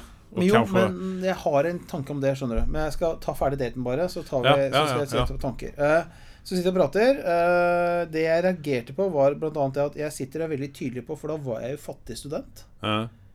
Og hun insisterte på at jeg skulle betale for begge to. Ja, ja. Det var mange ting som ikke ble sagt, som ble sagt, og det er mange ting som ikke er på TV. Ok, Jeg Eh, trodde dere fikk gratis middag. Ja, ja. Og jeg var på kur, ketolusekur, så jeg betalte 300 kroner for en bit med torsk. Yay! Eh, kjempekult. Eh, men jeg betalte for henne, altså. Eh, og det, det er greit nok. Jeg, det er litt sånn gentlemanaktig jøde, bla, bla, bla. Men det er nok en gang å kjenne publikummet sitt, da. Ja. Når jeg sitter og sier jeg er fattig student, jeg er, og virkelig legger ut Hun får høre jo at jeg er fattig student. Ja, hun syns jeg skal betale. Og det er sånn der, vet du, ok, greit, det gidder jeg ikke. Jeg har ikke noe problem med å betale hvis jeg har råd. For all del. Jeg, det, jeg liker det. Har jeg penger, så liker jeg ikke kaste Ja, og kanskje man, Even om man ikke har penger, og det man syns det er en veldig trivelig altså, ja, du, du nettopp får det. Hadde jeg hatt en god stemning, så Ja. hadde jeg jo vært mye lettere for å gjøre det også. Ja, for det er på en måte samme når du, når du skal tipse folk, ikke sant? Ja, ja, ja og ja, jeg har hatt turer på restauranter hvor jeg har gått til eh, han som er sjefen for servitøren, og sier at hun skal du ta vare på. For hun er kjempeflink. Hun Ja. flørter akkurat sånn at du skjønner at det er profesjonell flørting, men du føler deg vel. Ja. Hun har fått bra tips fra deg, og tips til deg behold henne. Hun er fantastisk. Jeg har gjort det. Eh, for det var sånn virkelig førte jeg vel. Men iallfall, vi sitter og spiser maten, Ja. og så kommer det som er kleinest på hele greia. Husk inn den der jævla fotoboksen. Inne sitter og prater sånn meg. Der! Da, da, var- da, da var ikke jeg inni Da var jeg sånn Kan vi trekke denne tanna, vær så snill, og rive av det plasteret, vær så snill. For det var kleint. Og ja, nå skal vi ha det krampemoro. Det var så krampemoro. Jeg, jeg, jeg ble kvalm. Ja. Det er så krampemoro. Eh, jeg synes Hadde jeg hatt en topp stemning, hadde jeg syntes fortsatt det var krampefær. Men så var det med hendene i tillegg. Ikke sant? Så det ikke noe stemning. Og så er vi ferdige, så går vi ut døra. Og så er det interessant, for når vi går ut døra, så går vi til hver vår brakke igjen. Mm. Så er det etter intervjuer. Det kommer etterpå. Og det er hver vår brakke. Hvert vårt sted. Og så kommer intervjuet sammen, hvorav én, det var tilfellet hun kom til meg. Og så står hun i døra, og så går hun inn. Og det er noen folk, når du ser folk sitte i programmet og si 'takk for sist', så er det det. For det kan fort være til én til to timer siden Å sove hverandre. Mm. Så det er noe, men derfor er det faktisk 'takk for sist'. Og så intervjuet, og så går man hvert til sitt, eller deler nummer, eller drar på byen, eller et eller annet sånt. Eh, så det er jo greit nok. Det er hele greia. Men jeg, hvorfor de valgte henne, er Jeg har jo mine referanser, som mange andre har. Mm. Uh, og det er en del ting som gjør at jeg sliter med å åpne meg for jenter. Mhm. Og de fant ingen som det funka med. For de ville ha med gutter, for de hadde veldig mange jenter som meldte seg på. Som sagt, han som ble med istedenfor mora osv. Så, videre. Mm. så de prøvde å finne, ringte meg flere ganger. Du har funnet en, hun er sånn og sånn, men bla, bla, bla, bla. Så det går ikke. Så da fant de henne. Vi hadde én ting til felles. Begge to har lyst til å bli fosterforeldre. Men hun har lyst til å bli fosterforeldre for, um, for uh, seks måneder gamle. Og jeg sier jeg er ikke under seks til syv år. For det rett og slett for jeg orker ikke bleieskift. Det er, let's face it, det er det det går på. Jeg orker ikke bleieskift. Jeg er 48 år. Jeg gidder ikke. Da vil jeg heller ta fosterforeldre for noen som er eldre. Kan være en 14-åring, det er greit. Selv om det blir et helvete. Sannsynligvis har en 14-åring har vært i fire andre fosterhjem før, men, og jeg er nok en idiot. Men det er greit. Men da slipper jeg bleieskifte. Kanskje litt rømninger på natta, sånn, men jeg slipper bleieskifte i hvert fall. uh, men så, og det var det de fant, da, den eneste fellesen. Uh, som jeg sier etterpå, det er like bra Det er ikke en bra kombi når du har meg som da har langhåra katt, hun er allergisk mot katt. Eh, hun er interessert i motorsykler, jeg er nerdekongen i Nord-Dalen. Og hun er personlig kristen, og jeg er ateist. På kanten av antiteist. Da funker det dårlig. Så det, det funka dårlig. Ja, for jeg, jeg mener at de bommet jo grovt på eh, Men de ville bare ha med meg. Jeg skal, jeg, jeg, sånn som jeg tolker det, at de ville ha med meg, for jeg sendte inn en, en litt sånn humoristisk introvideo. introvideo. -hmm. uh, og jeg svarte jo på de spørsmålene du svarer på først, på måten jeg svarer på. Og jeg tuller, jeg sånn, skriver sånn derre uh, hva, hva er det du ikke liker med partner? Og jeg skrev jo faktisk at ja, hvis dorullen henger feil vei, så blir det krangling. Jeg tuller ikke. Helt seriøst. uh, og det mener jeg, for dorullen skal henge ut fra veggen. Sier at den skal inn, inn, inn mot veggen. Så kan vi prate sammen om det.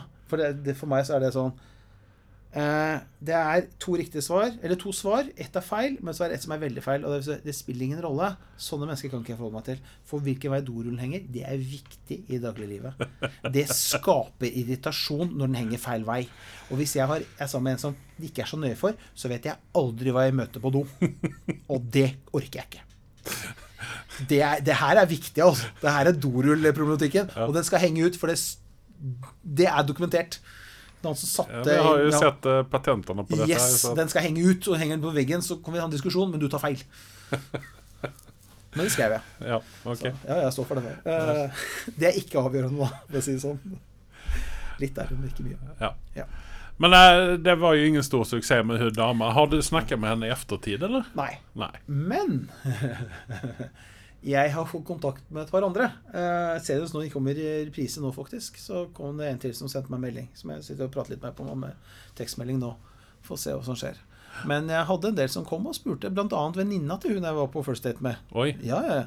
Eh, og det var hyggelig, men det er masse ting som ikke passa. Men det var hyggelig. Og jeg gikk glipp av bl.a. en pga. sekretærene mine. Så gikk jeg glipp av en, en som jeg vet er en fantastisk jente. Men sånn er det. Eh, men det som var interessant, er at jeg fikk én spesiell som ringte meg på kvelden. Og hun eh, Jeg skal ikke legge ut om henne veldig mye, for det, det, hun skal slippe å få det. Men jeg så at det er ukjent nummer. Jeg tenkte det er ikke telefonsalg, så jeg tar telefonen. Og hun dama jobba med Jobba i psykiatrien med barn og unge. Jeg skal ikke si hvor og når og sånne ting. Eh, hun var fryktelig usammenhengende. Eh, hun fortalte meg at hun hadde en 17 år gammel gutt som studerte det samme som meg. Men både hun og gutten var for tøffe for meg. Og 'hei, hei, her har du meg' kom veldig ofte opp. Liksom Forventa nesten at jeg skulle kaste meg rundt armene rundt henne der og da. Og når jeg sa at Men vet du nå har du sagt sånn og sånn, og det passer meg ikke Da var hun jeg skuffa over Rasmus. Og så la hun på. Og da sendte jeg en melding til en kamerat og sa at «Eh, jeg har noe å fortelle deg. Og han sa ja, kjør på. Og så rakk jeg ikke mer, for da var det to og en halv time med tekstmeldinger etterpå.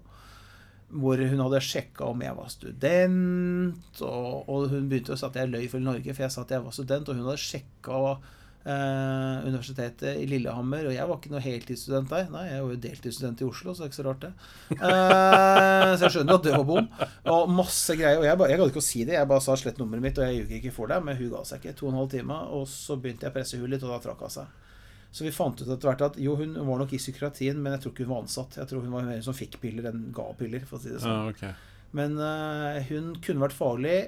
Hadde ikke i hvert fall Jeg blir ikke redd av sånne mennesker, men hadde jeg hatt problemer, så hadde jeg vært redd av Hun virka ustabil, altså. Men var, jeg syns det er litt moro, da. Men jeg har tatt vare på alle meldingene. Men det, det er sånn eh, Det er sånn eh, medaljens bakside der å være Ja. sånn eh, TV-kjendis. Superstar.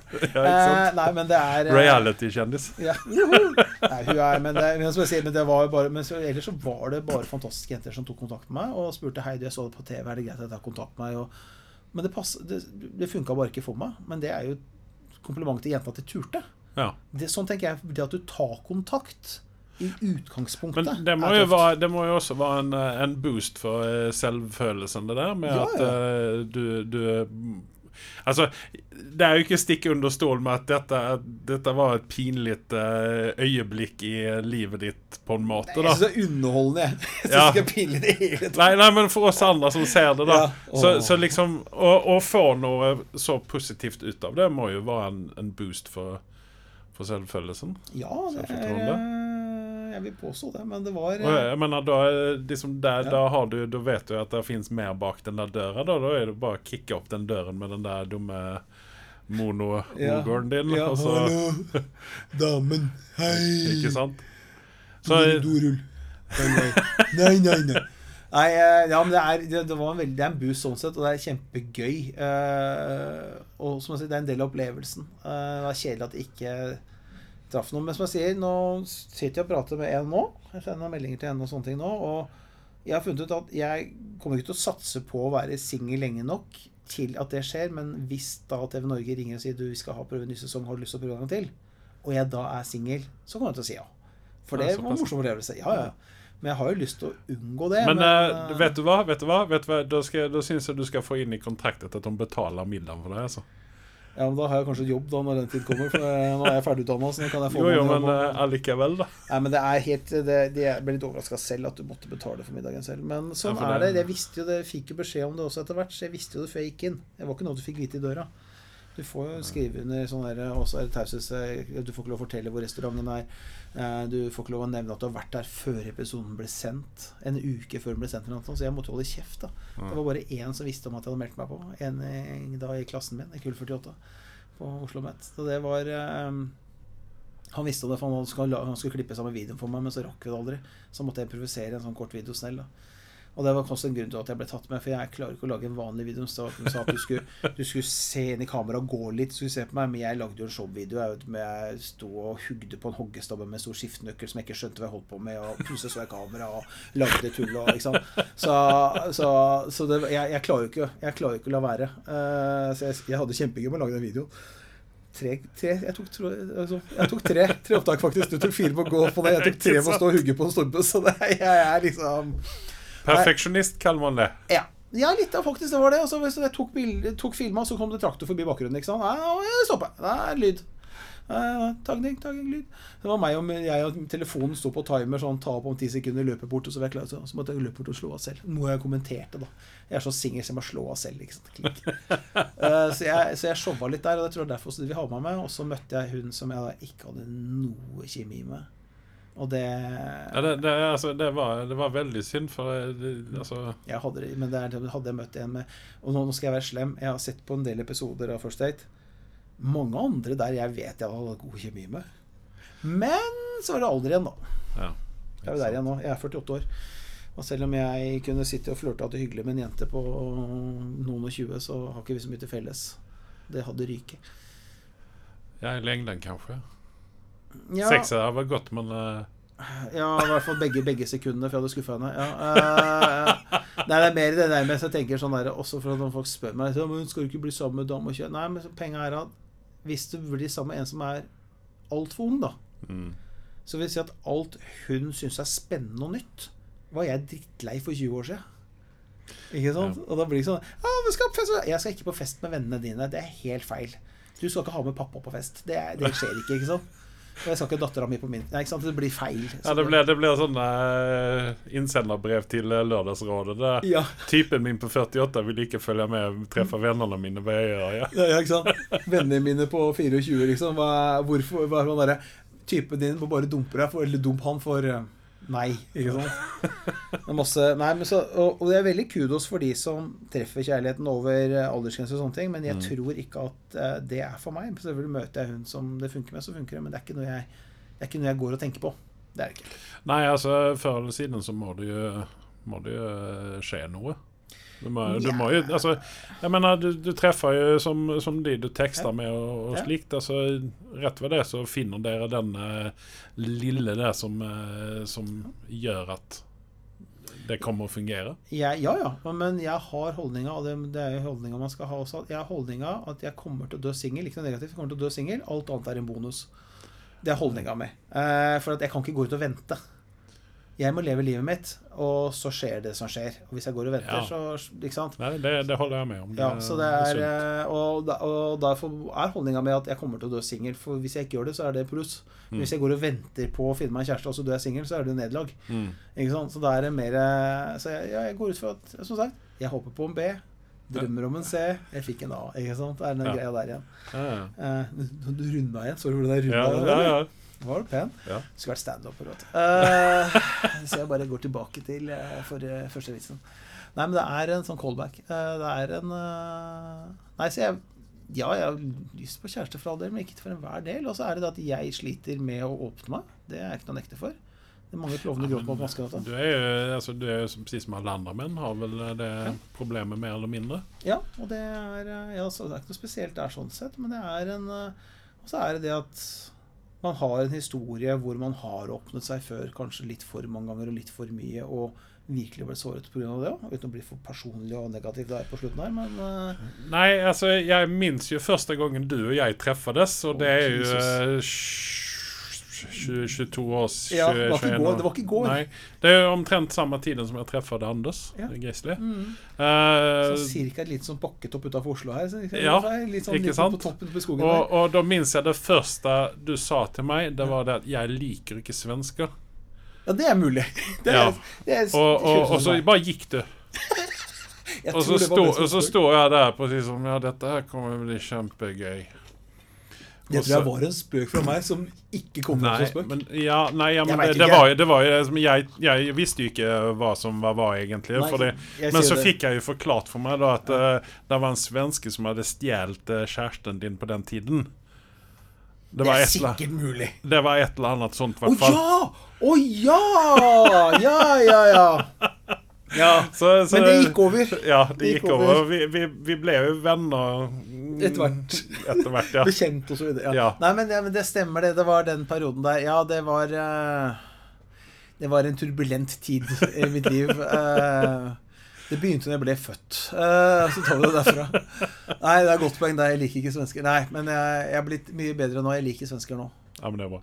Det er en del andre folkeslag eller land jeg ikke liker. Sånn type nå, Jeg kjenner noen hyggelige bergensere, men der kjenner jeg at der kommer fordommene mine. Altså. Og det er kjedelig, for jeg har et par hyggelige bergensere der. Men, Men du holder det innom landet i alle fall, da. Ja, ja, men det er eh, Jeg har bare fordommer. Eh, Det er fordi at, men hvorfor er bergensere? Kan jeg si sånn, Det er fordi at vi var på et wrestlingshow i Bergen en gang. Mhm. Og så dro vi på byen etter showet og hygga.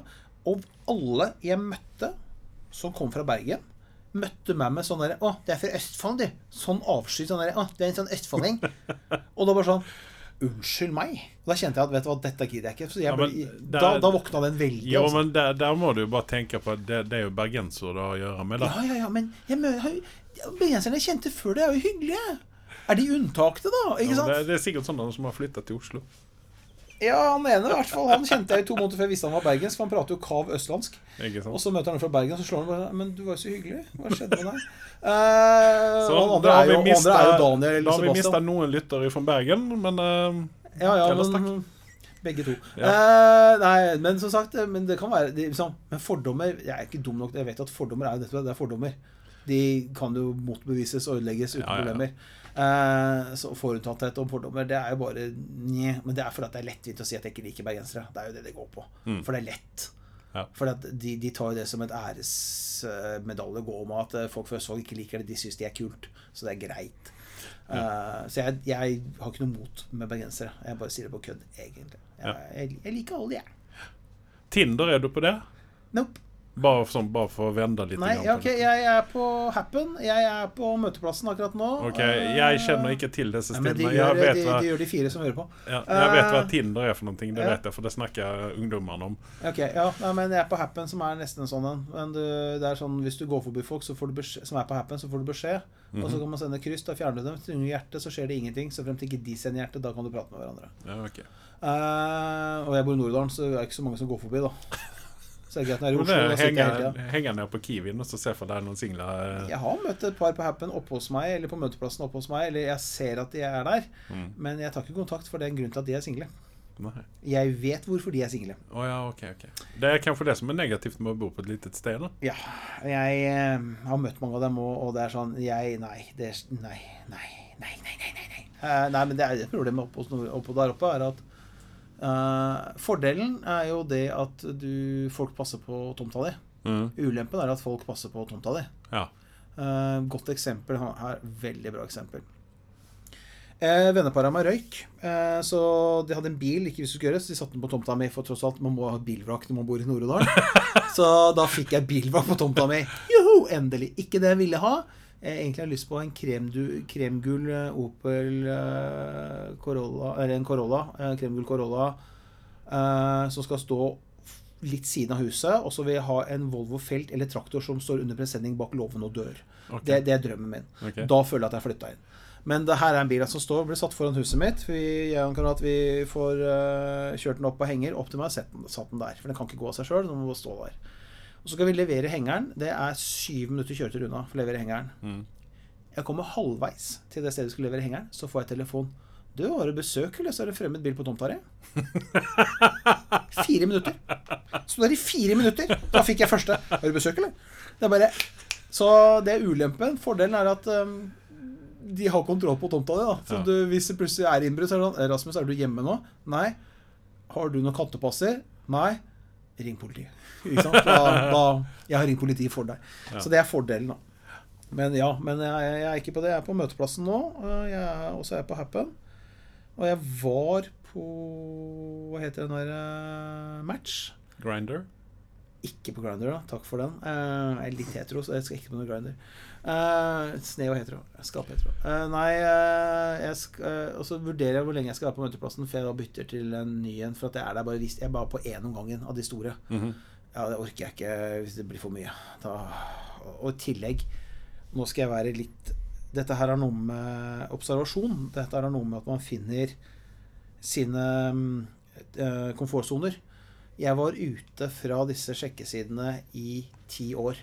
Mhm. Så går jeg tilbake, og så finner jeg mange av de samme er der fortsatt. Og leter etter neste Den store Det er kjærligheten. litt sånn Ingen- tragisk. ja, og det er nettopp det som er skremmende når du ser at disse menneskene, det har blitt komfortsonen deres, er å være på jakt etter kjærligheten. Mm. Det er komfortsonen deres. Og det er litt skremmende når du går inn og sier Disse her husker jeg faktisk fra ti år siden. For jeg prøvde å ta kontakt med dem, Mm. og her er de fortsatt. Det er ikke bra, altså. Da har jeg hatt kjæreste i mellomtida, samboer i mellomtida. Og så kommer du dit, og så Å nei, du er. Og det er samme teksten. Ikke sant? Det, er, det har ikke forandra Men de er aktive. Samme bilde òg? Ja, ja, ja. Men de er jo ikke, og de er aktive. Så du ser, sist på da og da. Ikke sant? Så du ser at de er aktive. Og de har ikke forandra teksten på ti år. Da må du begynne å, begynne å oppdatere. Det er som en CV. Ja. Jeg driter i at du var flink til å bygge sandslott i barnehagen. Jeg vil gjerne vite hva du gjorde i, i år og i fjor. Ja. Så det er litt sånn så Møteplassen og ja, Bare si fra det.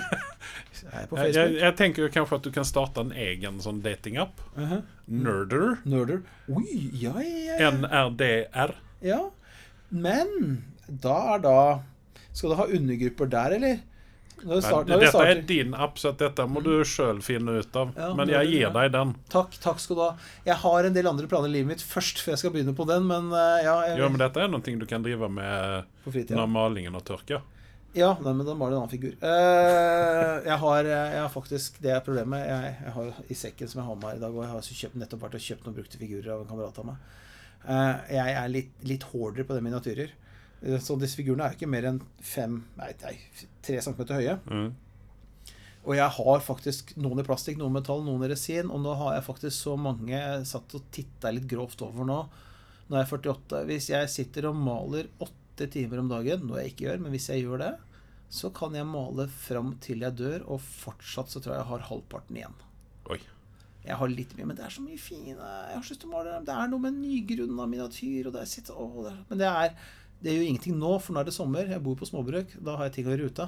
Men til vinteren, da sitter jeg og maler mye. Ja. Da sitter jeg inne, da maler jeg mye. Da lager jeg kart. Da, sånne ting. Ja, for eh, Dette tror jeg egentlig aldri jeg har spurt deg om, men hvorfor flytta du til Odalen? Eller hvorfor flytta du fra Oslo, kanskje man skal si? Uh, ja, uh, jeg flytta fra Oslo. For det første så Oslo brant meg ut. Rett og slett. Mm. Jeg jobba Når vi møtte hverandre som vektere. Jeg jobba på Tryvann, kan du si det Mm. rett ut. Tryvann og Unesec og greiene der. Uh, men jeg jobba jo 16 år i den bransjen. Jeg var jo Mm. ikke bare der jeg Jeg var jo deltid. Jeg avslutta i Hafslund Mm. på natt. En uke på, en uke av på natt. Uh, og dørvakt i tillegg. Og på de 16 årene Jeg brant meg ut. Det kom til et punkt hvor jeg sto opp en ettermiddag, jeg skulle på jobb. Uh, Jeg tok på meg vekteruniformen, og jeg ble fysisk kvalm. OK, jeg må på do. Tar av meg uniformen. Måtte ikke på do. En gang til. Jeg er kvalm. Ja, begynner å se et mønster her. Prøvde en tredje gang, og jeg holdt på å kaste opp. Jeg skulle stramme beltet på å kaste opp. Da ringte jeg og sa at jeg tar en tredagers. Og jeg var borte et år. For jeg brant meg ut. Jeg var Mm. ferdig med bransjen. Uh, den byen hadde spist meg opp. Uh, så da starta det at jeg tok voksenopplæring som uh, 38-åring. Jeg var russ da jeg var 40. Juhu! Hadde russebil. Og husker jeg lunsj på 17. mai. Hadde egentlig russebil som var en leke, lekebil som jeg satte opp på bordet osv. Uh, jeg er jo som modellbygger, så jeg hadde jo en liten lekebil med, med MP3-spiller inni. Så vi satte opp når vi satt på hotellet og spiste lunsj med gamle vektige kollegaer. Og det var slags meldinger og sa 'Jeg har rosa helikopter'. Jeg sa 'Vent da, gutta. Faen'. Og da kom det rosa helikopter ut av, den lille bilen. Eh, og så var jeg, tok jeg voksenopplæringa, og så begynte jeg å jobbe på en uh, barneskole. Og sakte, men sikkert så skjønte jeg at jeg orker ikke å bo i byen lenger. Så jeg lette etter et sted i området Halden-Hamar. Mm. Det lille området Halden-Hamar. Uh, og så endte jeg på en venn av meg som du også kjenner gjennom jaktfirmaet. Uh, som sitter der og sier Du, jeg bor i Nord-Odalen. Jeg har kjæreste på bord der oppe. Han kom opp og sa du, du bor i Banjoland. Det er ikke snakk om at jeg skal i noe jævla Nord-Odalen. Du spinn- Du fortell det, det bygget du viser meg, er jo enda lenger inn i, eh, i? Er, er du spinnvill? Er du dust i huet? Eh, så klarer han å narre meg opp på en visning i januar, for han har to biler som skal kjøres over Feidsvoll, så han kan ikke kjøre begge to, så da narrer han meg, da. Og jeg har sett veien senere og tenkt der kjørte jeg midtvinters uten eh, varmeanlegg i en eh, hestebilhenger med, med en åpning på 15 cm. Og jeg har sett veien senere og tenkt dette er ikke min gikk bra, for å si det sånn. Det var ganske jævlig. Så jeg drar på visninga. Er ikke kjempeoverbevist. Uh, for vi får ikke sett så mye, for det er snø opp til hofta og sånne ting. Ja, unger, det var den tiden det var snø på vinteren. Jeg husker det som det var i fjor. Uh, det var jo ikke det. Men, eh, og så går det til visning. Og så er det etter vårløsninga så narrer han opp en gang til, for en tomt er ikke solgt, for den var på tvangssalg. Mm. Så parkerer vi på kvelden. Han han som bodde der før, har jo lagt seg til å sove. Så går vi på tomta som jeg ikke fikk se da i januar, på natta. Sånn 11.30. Og jeg forelska meg så sykt i tomta. Mm. Så for å si det rett ut, jeg markerte tomta på et tre, og så ga jeg låven en klem, bokstavelig talt, og så la jeg en bud dagen etter. For jeg forelska meg i tomta. Mm. Og det er faktisk første gang i mitt liv at jeg har kommet hjem. Virkelig hjem, altså. Jeg, er, eh, jeg har slått rot der. Jeg kan ikke kalle meg nordøling. For det er fire generasjoner til jeg får lov til å kalle meg hedmarking. Og da er det fire generasjoner til før du kan kalle deg nordøling. Så jeg er lenger død lenge før jeg kan kalle meg det. Mm. Men jeg bor i Nord-Odalen. Ja. Og det er jeg stolt av. Uh, så jeg forelsker meg i tomta. Jeg har funnet en ro der oppe som jeg ikke har i Oslo. Jeg har eh, skog jeg kan gå i. Jeg har en elv jeg kan sitte og slappe av ved. Jeg har bålpanne, jeg har låve jeg kan bygge ting i. Jeg har et stabbur. Jeg har, jeg har hage. Jeg har, jeg har et sted jeg kan bli gammel. Et sted jeg kan dø på. Mm. Så det, jeg, måtte, jeg blir stressa av å være i byen nå. Virkelig. Jeg blir stressa av å være i byen. Jeg hører, jeg, jeg hører på musikk på øret når jeg er i byen, for å sperre unna byen. Jeg gjør aldri det i Nord-Odalen. Der hører jeg ikke på musikk i det hele tatt. Jeg hører når jeg kjører bil, kanskje. Det er eh, Nei, så jeg er kommet så sykt hjem. Så det er også når jeg får meg kjæreste, så må hun Om hun skal flytte til meg eller ikke, det er en diskusjon, men jeg kommer ikke til å flytte derifra. Det er vel det som er greia. Det er sånn eh, Fordi Nei. Jeg, jeg har kommet hjem. Det er min tomt. Der skal jeg sitte på gyngestol med hagle og vente til Landsman kom. Så kan jeg brenne av begge løpa. Jeg skal skyte. Jeg, får, jeg får jo si det at eh, bedre Tinder-profiltekst får du vel lete efter. Ja.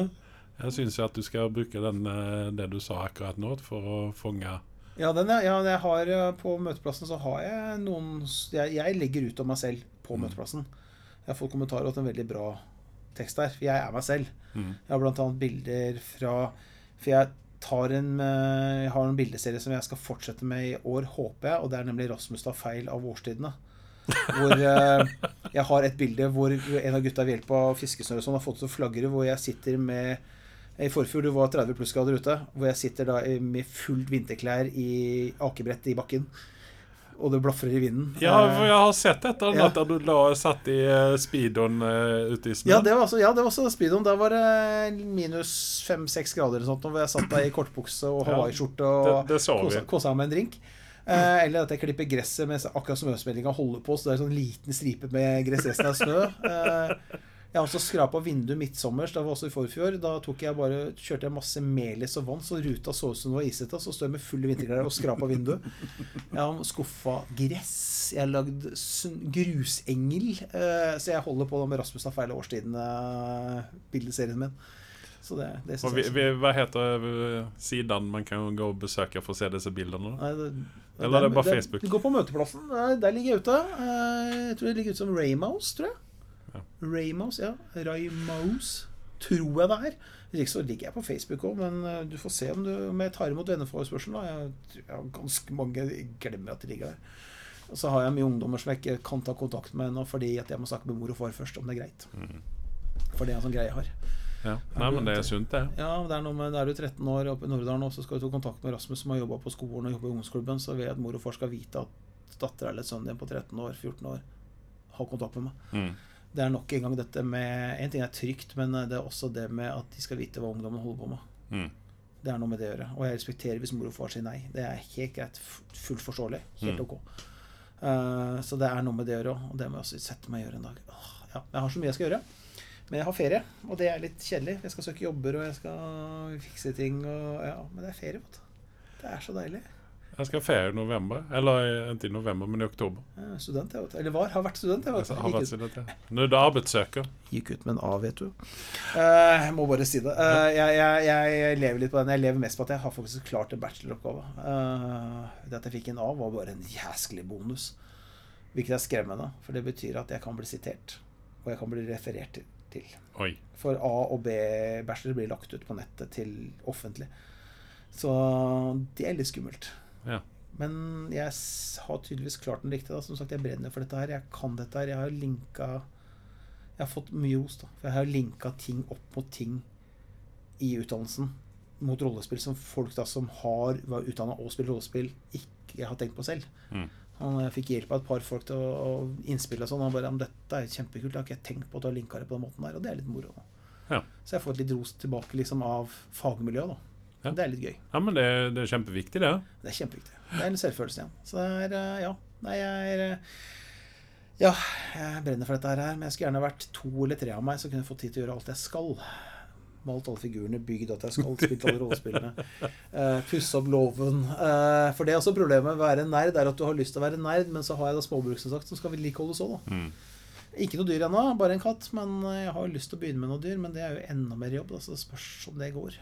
Du skaffer skaffe deg en geit, så slipper du å klippe gresset. i hvert Det var geit jeg tenkte på. Jeg har lyst på geiter.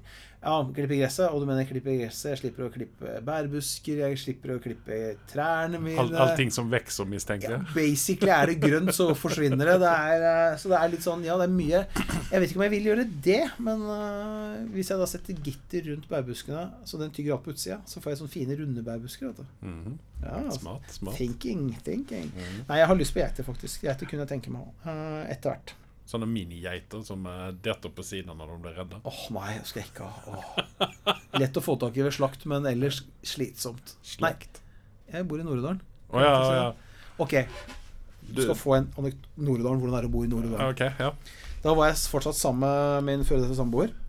Og en venn av meg som nå, han var ferdig nå, men han hadde 40 høner og holdt på med bikuber og sånne ting. Nå har han bare bier igjen, da. Men det var en januardag hvor jeg får da spørsmål det, 'Hva skal vi ha til middag i dag?' Så åpner jeg kjøkkendøra, og på andre siden på utsida så henger det da en pose med tre fortsatt varme, hodeløse høner. Jeg ser på den, ser på henne og sier 'Nei, det blir vel kyllingfrikassé, da!' Det take away Nord-Odalen-style. Ok. Så det var ute bare få av fjær og tømme og sånn. Og så sto jeg på utsida og gjorde det, og så kom jeg inn til henne, og så lagde hun frikassé. Det, det var Nord-Odalen. Ja. Og plutselig en dag så fikk jeg en halv geit på døra, liksom. Nei, vi har slakta noe greier, har lyst på en halv geit? Ja, kjør på. Geita har jeg faktisk aldri prøvd. Hva, smaker det? Kylling? koke, det er godt. eh, Det er, det er viltkjøtt, men du må koke det lenge, for det er ganske seigt. Det er okay. mye bearbeidelse på geitekjøtt. Mm. Uh, og så har jeg faktisk enda mer geiter som jeg fikk nå. Så har jeg noe laks som jeg fikk av en av meg. Som, jeg har ikke jegerprøven ennå, men jeg skal ta den etter hvert. Ja. Da blir det interessant. Ja. Ja. Sånn. Nå har jeg prata mye. Ja. Uh, jeg vil egentlig bare si takk til deg, Rasmus, for Ja, at du kom. Takk.